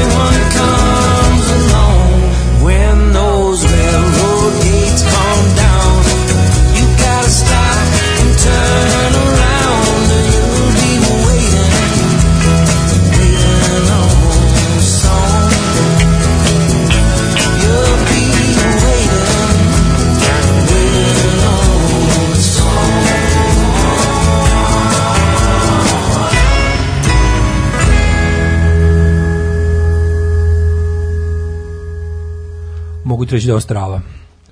Znači, D- Dan Auerbach, zapad, ovo ćemo da prebacimo u našu uh, fonoteku, da tako kažem. Mi je omiljen izraz. Kad kažem, zamišljam kako imamo kažem fonoteka, ljudi ne znaju da je to zapravo jedan folder u kom stavljam fajlove, nego mislim da imamo jednu džinovsku prostoriju s pločama. Jesi ti onda medijatekar? Ili kako se to zove? Sećaš mi smo medijatekara u, školi. Rokvić, Rokvić medijatekar. Jeste, čitao sam ono, znam sam šta to enciklopediju morao otvarati, da vidim šta je to medijateka. Čovek koji distribuira medije. Ne, ja koliko se sećam... kustos medija. Zar to nije čovjek koji se ugrađuje ekskurzije, ili tako nešto? Pa dobro, to je, mislim, to je, to je svojim rečima, ali u enciklopediji ne piše tako. E, kaže, u, još jedna kvalitetna zamena za mlađu. Može da jednom isprobate kako bi funkcionisala druga postava na terenu u vidu vlade i đoleta, pa onda možete mirno da kačete mikrofon u klin. Da, i zovemo se srđana i bude super. Ili kad, znaš, to je... kad su ljudi rekli, kao, da li slušaš podcast sa muzikom ili slušaš podcast bez muzika, mogli biste napraviti podcast samo s muzikom. Ja, kaže, tamo, tamo teli da kažu da je ovaj, kako se zove, da je Gošić poentirao pričom o, o kolima, da mi, da mi je zavuka, onda i sam rekao da je došao kolima. Hvala ti zbog toga. Morao sam te pustim, već si krenuo da se batrgaš toliko, bilo mi baš, te baš sam malo bio žao. som, som, suvom. Baš sam bio, bio sam karaš na suvom. E, zapravo su im teške tobre, u torbe, uvalili su im A4 format po tri knjige za svaki predmet, a ništa toga se ni ne koristi.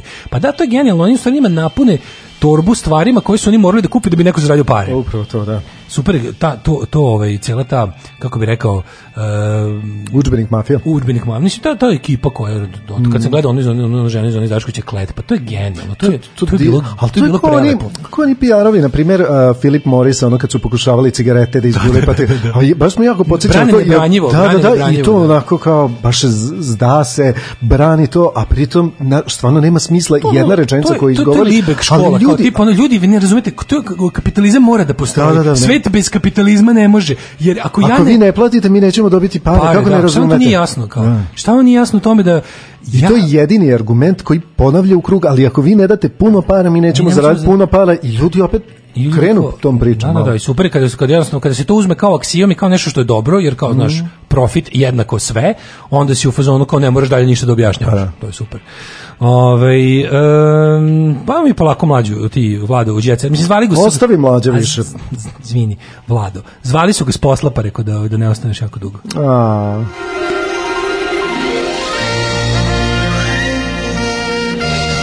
Jet set. Jet set.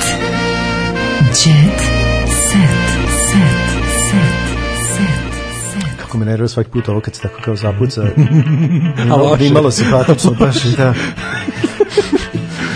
Ove, Imaš ti uopšte u blicu nešto ili samo ovo ne, moje ne, ne, naravno smećarenje? imam, imam, imam smećar, ali tvoje smećarenje mogu jače.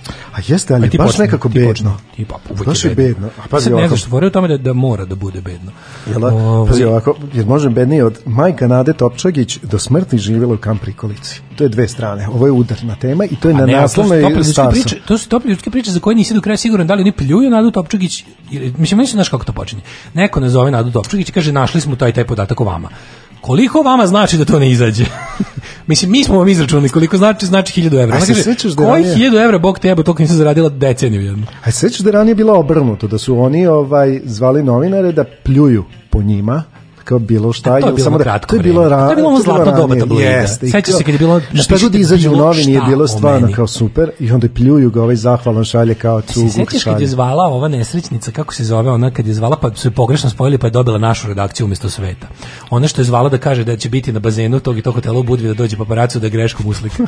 Sećate I bede? šta ćemo mi na bazen? Ni šta ćemo mi svi na bazen. Sedimo, sećate se dobro, sedimo tamo i zove kao, i, i, kao, a mi onako, čekaj ponovo i onda pustili na speakerfon. Ma bio si tu bre čoveče kad je ova, kako se A znaš zove da, ona bre, da tad nismo bili stalno trezveni. Znam da nismo bili stalno trezni, ali ovo nas je u momentu bilo, mislim, bili smo svi prisutni tu. I da smo onda na kraju ipak... Ja se sećam samo ljudi ovaj, pogrešno koje smo dobijali koji su zvali da ostave oglas za smokvin list. Smokvin list. To je, ali to se trčiš, ako je to, to je super. To Pa da. možeš prepričati razgovor, kao sam mi sve reci, ali od reči do reči, nemoj da propustiš jedan detalj. da li znaš dalje, ovaj, kako se zove, da li znaš i dalje na pamet oglas perverznog tatice? A, čekaj, to nešto izbaci... da- 9 Aha. cm duguna, uz, Jeste, uz, jeste, uz, futbal, uz, uz futbal i pivo volim egzibiciju. Pokušam da nađem, inače, dalje među onim uh, smokin da- listovima sam pokušao da nađem onog što je tražio uriniranje po poznatim damama sa estrade. I to ne mogu da nađem. Te izgleda nije bio, jel, za razliku od ženim se i tog, na primjer, tatice... liko je tražio da mu se jave poznate dame za uriniranje, njemu je šifra bila film.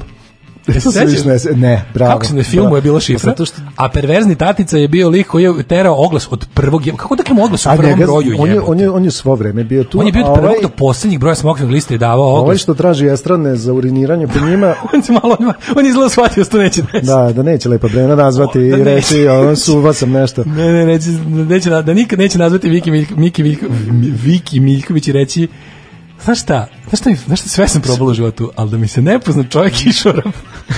I nazove, Iz iz nazove telefon iz oglasa, šifra ta i ta, i on možete da mi... Zato što šta? Zato što Viki Miljković radi šta danas? Jo, čekaj, e, samo da prelistam. Ovo, ovo, je, ja ovo je meni od sve. Hvala ti, ovo je bio divan šlagvort. Pazi ovako. Jelena Karleuša je kupila uh, da vidim, jel stan ili kuću, sve u svemu od 2 miliona evra. Mhm, I odlučila je, kad je već tolika investicija da treba pravi ovaj, poznavalac dizajner interijera i onda je angažovala Viki Miljković. Miki Viljković. Tačno tako. A Znači, on, Viki je kao neki... Ono, Ovako će izgledati kuća JK od 2 miliona evra, za čini interijer se pobrinula Miljkovićka. A kako? Mislim, kome je palo na pamet da osoba koja je napisala pesmu, pevala pesmu, Coca-Cola, Marlboro, Suzuki, diskoteke, gitare, buzuki, to je života nije reklama, nikom nije lepše nego nama, ovaj, da ta osoba može dobro da ti uradi Sad kad si interijer. to, ja nisam znao to njena pesma, sad bi i ja dao da mi uradi interijer. A vidiš? Ovaj, pa pazi, To je, ona se reklamira na radio generiki sa, sa timom. ali kome dati, ako kupiš, ako si Jelena Karleuša od 2 miliona i treba da spucaš da to izgleda kako ti voliš, pa kome dati ako ne Viki Miljković? Pa kapiram da, ali ja, zar ja sam mislio da se Jelena Kraloša loži da ona kao nivo iznad njih. Znaš da Jelena Kraloša na vreme kao sebe bila svet. Mislim da je sad malo došlo sebi, sad je baš ono prošlo težak period. Ovaj, A, da, malo se- Više niko ne gleda ni dok se vakciniše, mora da dovodi Da, da, da, da, publiku, publiku. tako da ja mislim da je malo ovaj, Misliš da se ponovo vratila izvornoj sebi? Da, je Da, ona- isto ko što Što i bi ovih 2 miliona evra postoje, tako postoje i njenih 2 miliona baš evra to. pratilaca. Ali kao VH1 storytellers kad pričaju o, o Bon Joviju po svakih pet minuta and then they went back to their roots. A vidi ove stok fotke, ovaj kao kuće, interijera i svega. Ove fotke, već ide preko, ide Sa- RF, jedan, dva, pa vi- tri. A vidiš da imaju i one kvake američke i štekeri američki i sve i je- to kao... mi je kao kad na Instagramu neka riba pokrade američku neku ribu i kao glumi da je mava maca sa voždovca. A ona kao mava maco, odakle ti wall to wall carpeting na voždovcu, jebote, to me više loži od sisa. Molim te, slikaj malo više taj pod, ono, ako možemo više to da gledamo, zato što Kako si tako jadno. od 110? Da, odakle ti utikač od 110 volti na voždovcu, mava svatkice, molim te, zumiraj mi utikač. ono. Znaš da to smo mi bezobraznici naučili, ako seći za CKN kad šalju devojke, Pa, sve kako su lepe i niko prvih Stoka, pola sata samo- samo gledamo u- iz stoka čega se ne pogleda devojku, ne pogleda nego, a vidi ćebe, a vidi ćebe iza. Ovo moramo zvati, ovo treba pare. O, jeste, Ali tu smo bili dobri. Vidi ima plišane igračke, Ima gotovo. srce, volim te ovoliko. Jeste. I onda ti kao, kao čekaj, čekaj, ima i dobre sise. Mi kao ono, ne, čekaj, gledam još uvek im, impuls dezodoranse na, na ovoj polici, zvaćemo nju jer njoj treba novac. Jeste. Kako su bili dobri, ljudi. strašno, nevjerovatno. To, to, bili dobri to će pričati o nama, dobri ljudi. Dokle god bude izdavaštva, znači još šest meseci. Dok se poslije novine ne ugase. Ove, ja imam ovako. Sloboda i vojn, drugi dan već jebote Sloboda i vojn, slave rođendan Slobode. The birthday of freedom. E, Koji rođendan, jel se kaže? 40. O, pa neki se Uh, sreće. a, a ne, Volim ne, okrigla ne, je rođendan. fora, on, da, i, a okrugle i njem, njemu je 50. O, On pe- on 10 godina stariji. On žive, on 10 godina stariji, da. On, oni žive u Čortanovcima. Ju, majko, znaš Kako može da se zezaš Znaš koji mi je u bio na Čortanovcima? rođendanu? Ko? A u Dejanu Lutkića. Oh, njega, kad dođe sa, sa problemima u grlu. Uh, Mićalović je proslavio 40 i njen suprug 50. Među najveselijim bili su Nataša Ninković i Srđan Timarov. Su Ninković, da, su, A evo, svi su bili, znači, znaš kakav festival sreće na Instagramu, znači, ono, goreo je story. A opet Instagram vest, ja. Instagram vest teška, ono. Nataša Ninković, koja inače kuma bračnom paru, bila je najveselija, pa su se njenim šalama svi smeli. A Dejan Lutkić, koji nije kuma, ima grozne šale, njima se nisu smeli. Uh, Treba to izbacivati, da. zanimljivo. Ništa nema, evo ja Ništa. sad pokušam, našao sam i ovo za paparaco, za ovog Dačićev sin sa Milicom Jokić, ali ne znam koja je ona. Ćemo posebnu emisiju o CKM tajnama odvratne redakcije. Jo, to je stvarno, ljudi, odvratno. To niko ne više voleo. Ne, pa to je to, da. Ja to ne smem, mislim. Bre. Bilo bi kao, neću slušati više ove ljude, ovo su, govna. Uh, Ana Ivanović je otkrila. Švajn je naučio srpski da bi zadivio moju mamu. Čoveče. Gete je naučio... zna srpski. Da. Je E, naučio bravo, srpski da bi mogao pročitati Hasanaginicu u originalu, a Švajni da zadivi Aninu majku. Bivša tenisirka kaže da se sa Bastijanom uglavnom sporazumeva na engleskom, dok njihovi sinovi uveliko pričaju tri jezika, srpski, engleski i nemački. Jel te bila i pana? Mm, slatka, da, jeste, slatka. Ove, um, CC je teška 80 miliona dolara. Ej, neko je radio ono kao net worth. A to samo ono kao, mislim, to je bez, bez da proda ono iz podruma. Jelena Janković bi razbila na ferci Ivanović. Ivanović, naravno. To bi baš bilo Pa, poniženje da, glasa. pa kako ne bi, čovječe. A kako se Ali ne bih ona- volao da se to desi. A kako se zvala ona sirota što je od Ćale maltretirana? Dokić. Ta bi ih sve Ne, ubila. Kad bi ona ono, bi- zamisli ona kad bi nju ima pustili, iskustva ono. manje, ona Kad jadna, bi nju ona je pustili, baš ona bi ona, bio ona, ona, životinja, ona garanti ono. ono me against the world stav. Ono. Uh, najveća balkanska zvezda Sveca Ražnatović je prema pisanju svetski poznatog sajta cele Celebrity Net Worth na kom ono podatke izlače iz onog jednog sajta koji se zove Sobstvena bulja. Nakon što je ovaj portal prikazao koliko su bogate svetske zvezde, na red je došla i Svetlana Ceca Čekaj, što na američkom internetu? Na, e, na inostranom internetu. Na znači, američkom. to je taj za in- internet za inostrano tržište. Išao sam tamo, ali... Teodora Silikon mi je pao pred publiku. Šta to znači? Hoću to da mi pročitaš. Uh, Teodora Džehverović nasmejala je sve na društvenim mrežama kad je odlučila da sa virtualnim prijateljima podeli blam. Uh, ugradila je silikonske implante u grudi kad je priznala da, da to morala da uradi zbog jednog peha na nastupu. Pre nego što sam uradila grudi, imala sam neke umetke samolepljive, počela sam da igram i jedan mi je silikon ispao ispred bine. I onda je rekla, posle nastupa pokupila ga je spoda, otišla kod lekara i rekla, ovo da mi ušijete unutra, da mi više ne mrda. E, dobro, uh, ova... Ti znaš da je šap psihopata. Tražila sam Nisam zabranu prilaska, kaže Simovljeva. Jel to baš te je spucala uh, Mečkić? Prošle nedelje, a da, ti se baš isključio bio, a? Ne, ne, ništa, šta je Nije mlađa čito. Spucala šao Mečku. Zapucala u Otkud drvo. mečka uopšte? Mislim, otkud- Ja ne znam kako ti ljudi, to kad, kad je C liga, ja isto ne znam šta, mater, kako to. može to gledati. Znači oni uz, oni, oni kupe, na primjer kupe ta, oni sve ulože to. Prvo oni žive preko svojih interesa. Oni svi duguju za Svakako, mašine. i svi su, da, I svi u kao u da. fazonu su ma snad, nešto će nešto će se desiti kao band's gonna make it. Mm. Ono b- pobediću u realitiju, ne znam, dobiću nešto. Imaću puno pregleda na YouTubeu. Mislim da oni su retardirani, ono manje više, onda njihovo poimanje sveta je tako, ali je fora što ono kao oni su kao socsko poznati i onda ti neki sitni krimosi koji to mogu da im omoguće vole da tako kao on, mada zna da đavo i dođe po svoje. A to meni Znaš, oni likovi što čudno. padaju u teško dužničko ropstvo da bi snimili dobar spot za IDJ Ti znaš kako smo mi te šatro poznate, te, ti znaš kakva je to beda? Znam stvarno? kakva je to beda, naravno, mislim, video sam, videli smo. Kako onda tako istera taj neki nešto? Pa kažem ti, on se zaduži moguće? kod lika koji je pravi On krimos. da, a ove a ovaj pevačice često dobijaju svoje ovaj vozila Dobro, da, to, i dobijaju to, i na pozajmicu to, dobijaju to mi je jasno mi odakle da. Džehverović dobije, ali, Ali ša, ša, ša, ša živi preko svojih mogućnosti, razumeš? Ono, ša jebi ga, mislim, ko bi njega, ono, da... Ali ima tu nešto se tu vrti, dešava se. A tu vrti se da što oni su to sve, oni su svi jako blizu tog sitnog kriminala. A kod nas je Mm. kriminal sve. I onda ti ona varijanta, oni su ti si znaš šta je to slatko, što su ti oni svi u isto vrijeme i SNS i i ono kao i sitni narkotici. Uvek će znaš lako ćeš te, te likove čuti ono. A sve kako mu je Tara ova, podsjeća na Hanu ovo Alviroviću, kako zove? Ko je Hana Alvirović? Pa nije, nije Alvira, kako zove, ova dosta je bilo Hana. Hana Adrović. Adrović. jel, jel da podsjeća? Pa malo. Mislim, Hana bolje. Tebi Hana bolje. Pa kako nije? Ovaj em, da vidimo što imamo još. Obećali su skandale, bludi, ljubavne afere. Ovo su novi učesnici zadruge 5. Okupili su se. Obeća, obećavaju skandal, blud, ljubavne afere, neljudsko ponašanje, krivična dela, nasilje, mizoginiju i ostalo. Sve što vole da gledaju. One stvari. E, nova sezona popularnog reality počinje u septembru. E, doći će, znaš ko dolazi? Dolazi Denise Dame. Šta? Slovenački Znam, Instagram porno, model. porno, porno, porno, to je, ne, to je žensko, to je žensko. Denise Dame, slovenačka, ona zarađuje od prodaje goliševih fotografija. Petar Vasić, pevač. Ko Petar Vasić? Petar Vasić, ne, Dule. ne. Zoran Zoki Šumadinac, mater, njega su stigli okej, s neke bolnice, su ga garantom. isceđeno. Pa da, brat Darka, brat Darka Lazića. Drvo Darka Lazića koje se zapucalo stalno. Davor, glumac Aleksandar Saša Todorović, biće Aleksandar Saša Todorović, mater je. Ono glumio u seriji, nekoj tih milion serija, garant u seriji ono... Ne znam, glumice? A u seriji Govnarević je glumio treće komšiju, razumeš ono. Ja moram- U seriji Moja mala smrdljiva kafanica je glumio konobara. Ja sam gledao sad Miloševića, pre toga nisam seriju srpsku pogledao, stvarno, baš. Dobro, e, doći će, e, a znaš ko je taj? Čekaj, jao, ne, znaš ko je Aleksandar? Pa nemoj mi ga. Znaš ko je A, Aleksandar Saša Jel Todorović? brat ili šta nekome dođe? Znaš ko je Aleksandar Saša Todorović? Ajde. Matori. Glumac koji je u filmu Tesna koža glumio najmlađeg Pantićevog sina. Prejako. Čekaj, to mu tako, tako je opisano. Sve si koliko... Čekaj, jel tako stvarno? Ma to je taj nema To je- za struju. Ja moram da upadem, moguće da... Aleksandar Saša Todorović, onaj, onaj što se zamerio Irfanu Mensuru. Sjajno. Jao, nisam bio u Srbiji 30 godina. Grem bio u zatvoru u Nemačkoj. Kad je pokušao da prošvercuje, ono, bolje da... Ženio sam se tri puta, sad sam srećno razveden, rekao je Saša. Stanija je potvrdila svoje učeće, Stanija, ono, pustili da se... Da, on je što lečenje isto baš. Miki Ovo je Đuri, sve tako teško. Miki Đurić, on je, Miki Đurić je možda Čekaj, on će ući sad opet, stvarno. Jebote, on je kapitan, kapitan ima ugovor sa Željkom Mitrovićem da mu ono prodao svoje telo. Mu zaveštao sve. Miki Đurić je možda najjadniji čovjek na planeti Zemlji, da?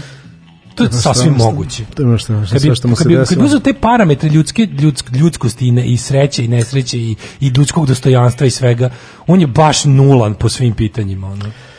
Baš Joj, ne znam, ono to je meni, ne znam, baš onako pokušavam. Mislim od zdravih ljudi. Zato što... za- Postoje ljudi koji imaju neke, neke snašla ih neka, ali od psihofizičkih zdravih ljudi on je verovatno najjadniji čovjek u Blicu što redovna rubrika postala ova Jovana kad smo kod nezdravih. Luda Jovana, da. Luda Mi smo- mi smo- Jovana, mi smo u fazonu, ali to nije u redu. rubrika, njoj plaćaju, znači ili ona plaća, Pa, šta već, da svake rubrika, da. nedelje objavljuju, svakog dana objavljuju šta je ona radila, je li Da, da, moguće? Da, skroz.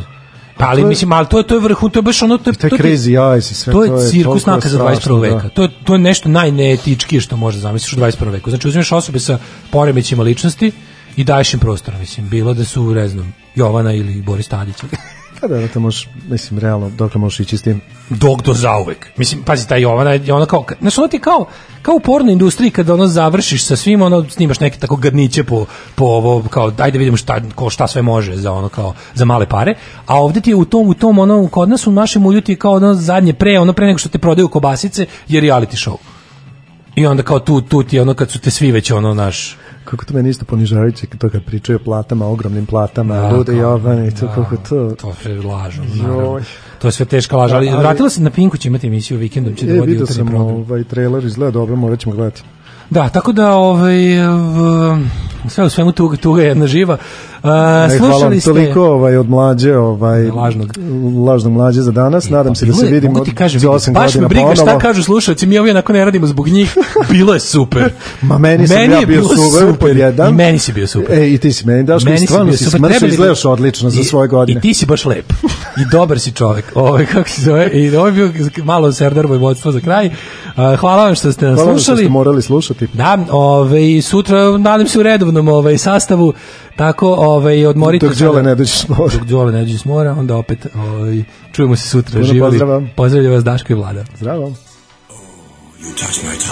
Tekst čitali Mladin Urdarević i Daško Milinović. Ton majstor Richard Merc. Realizacija Slavko Tatić.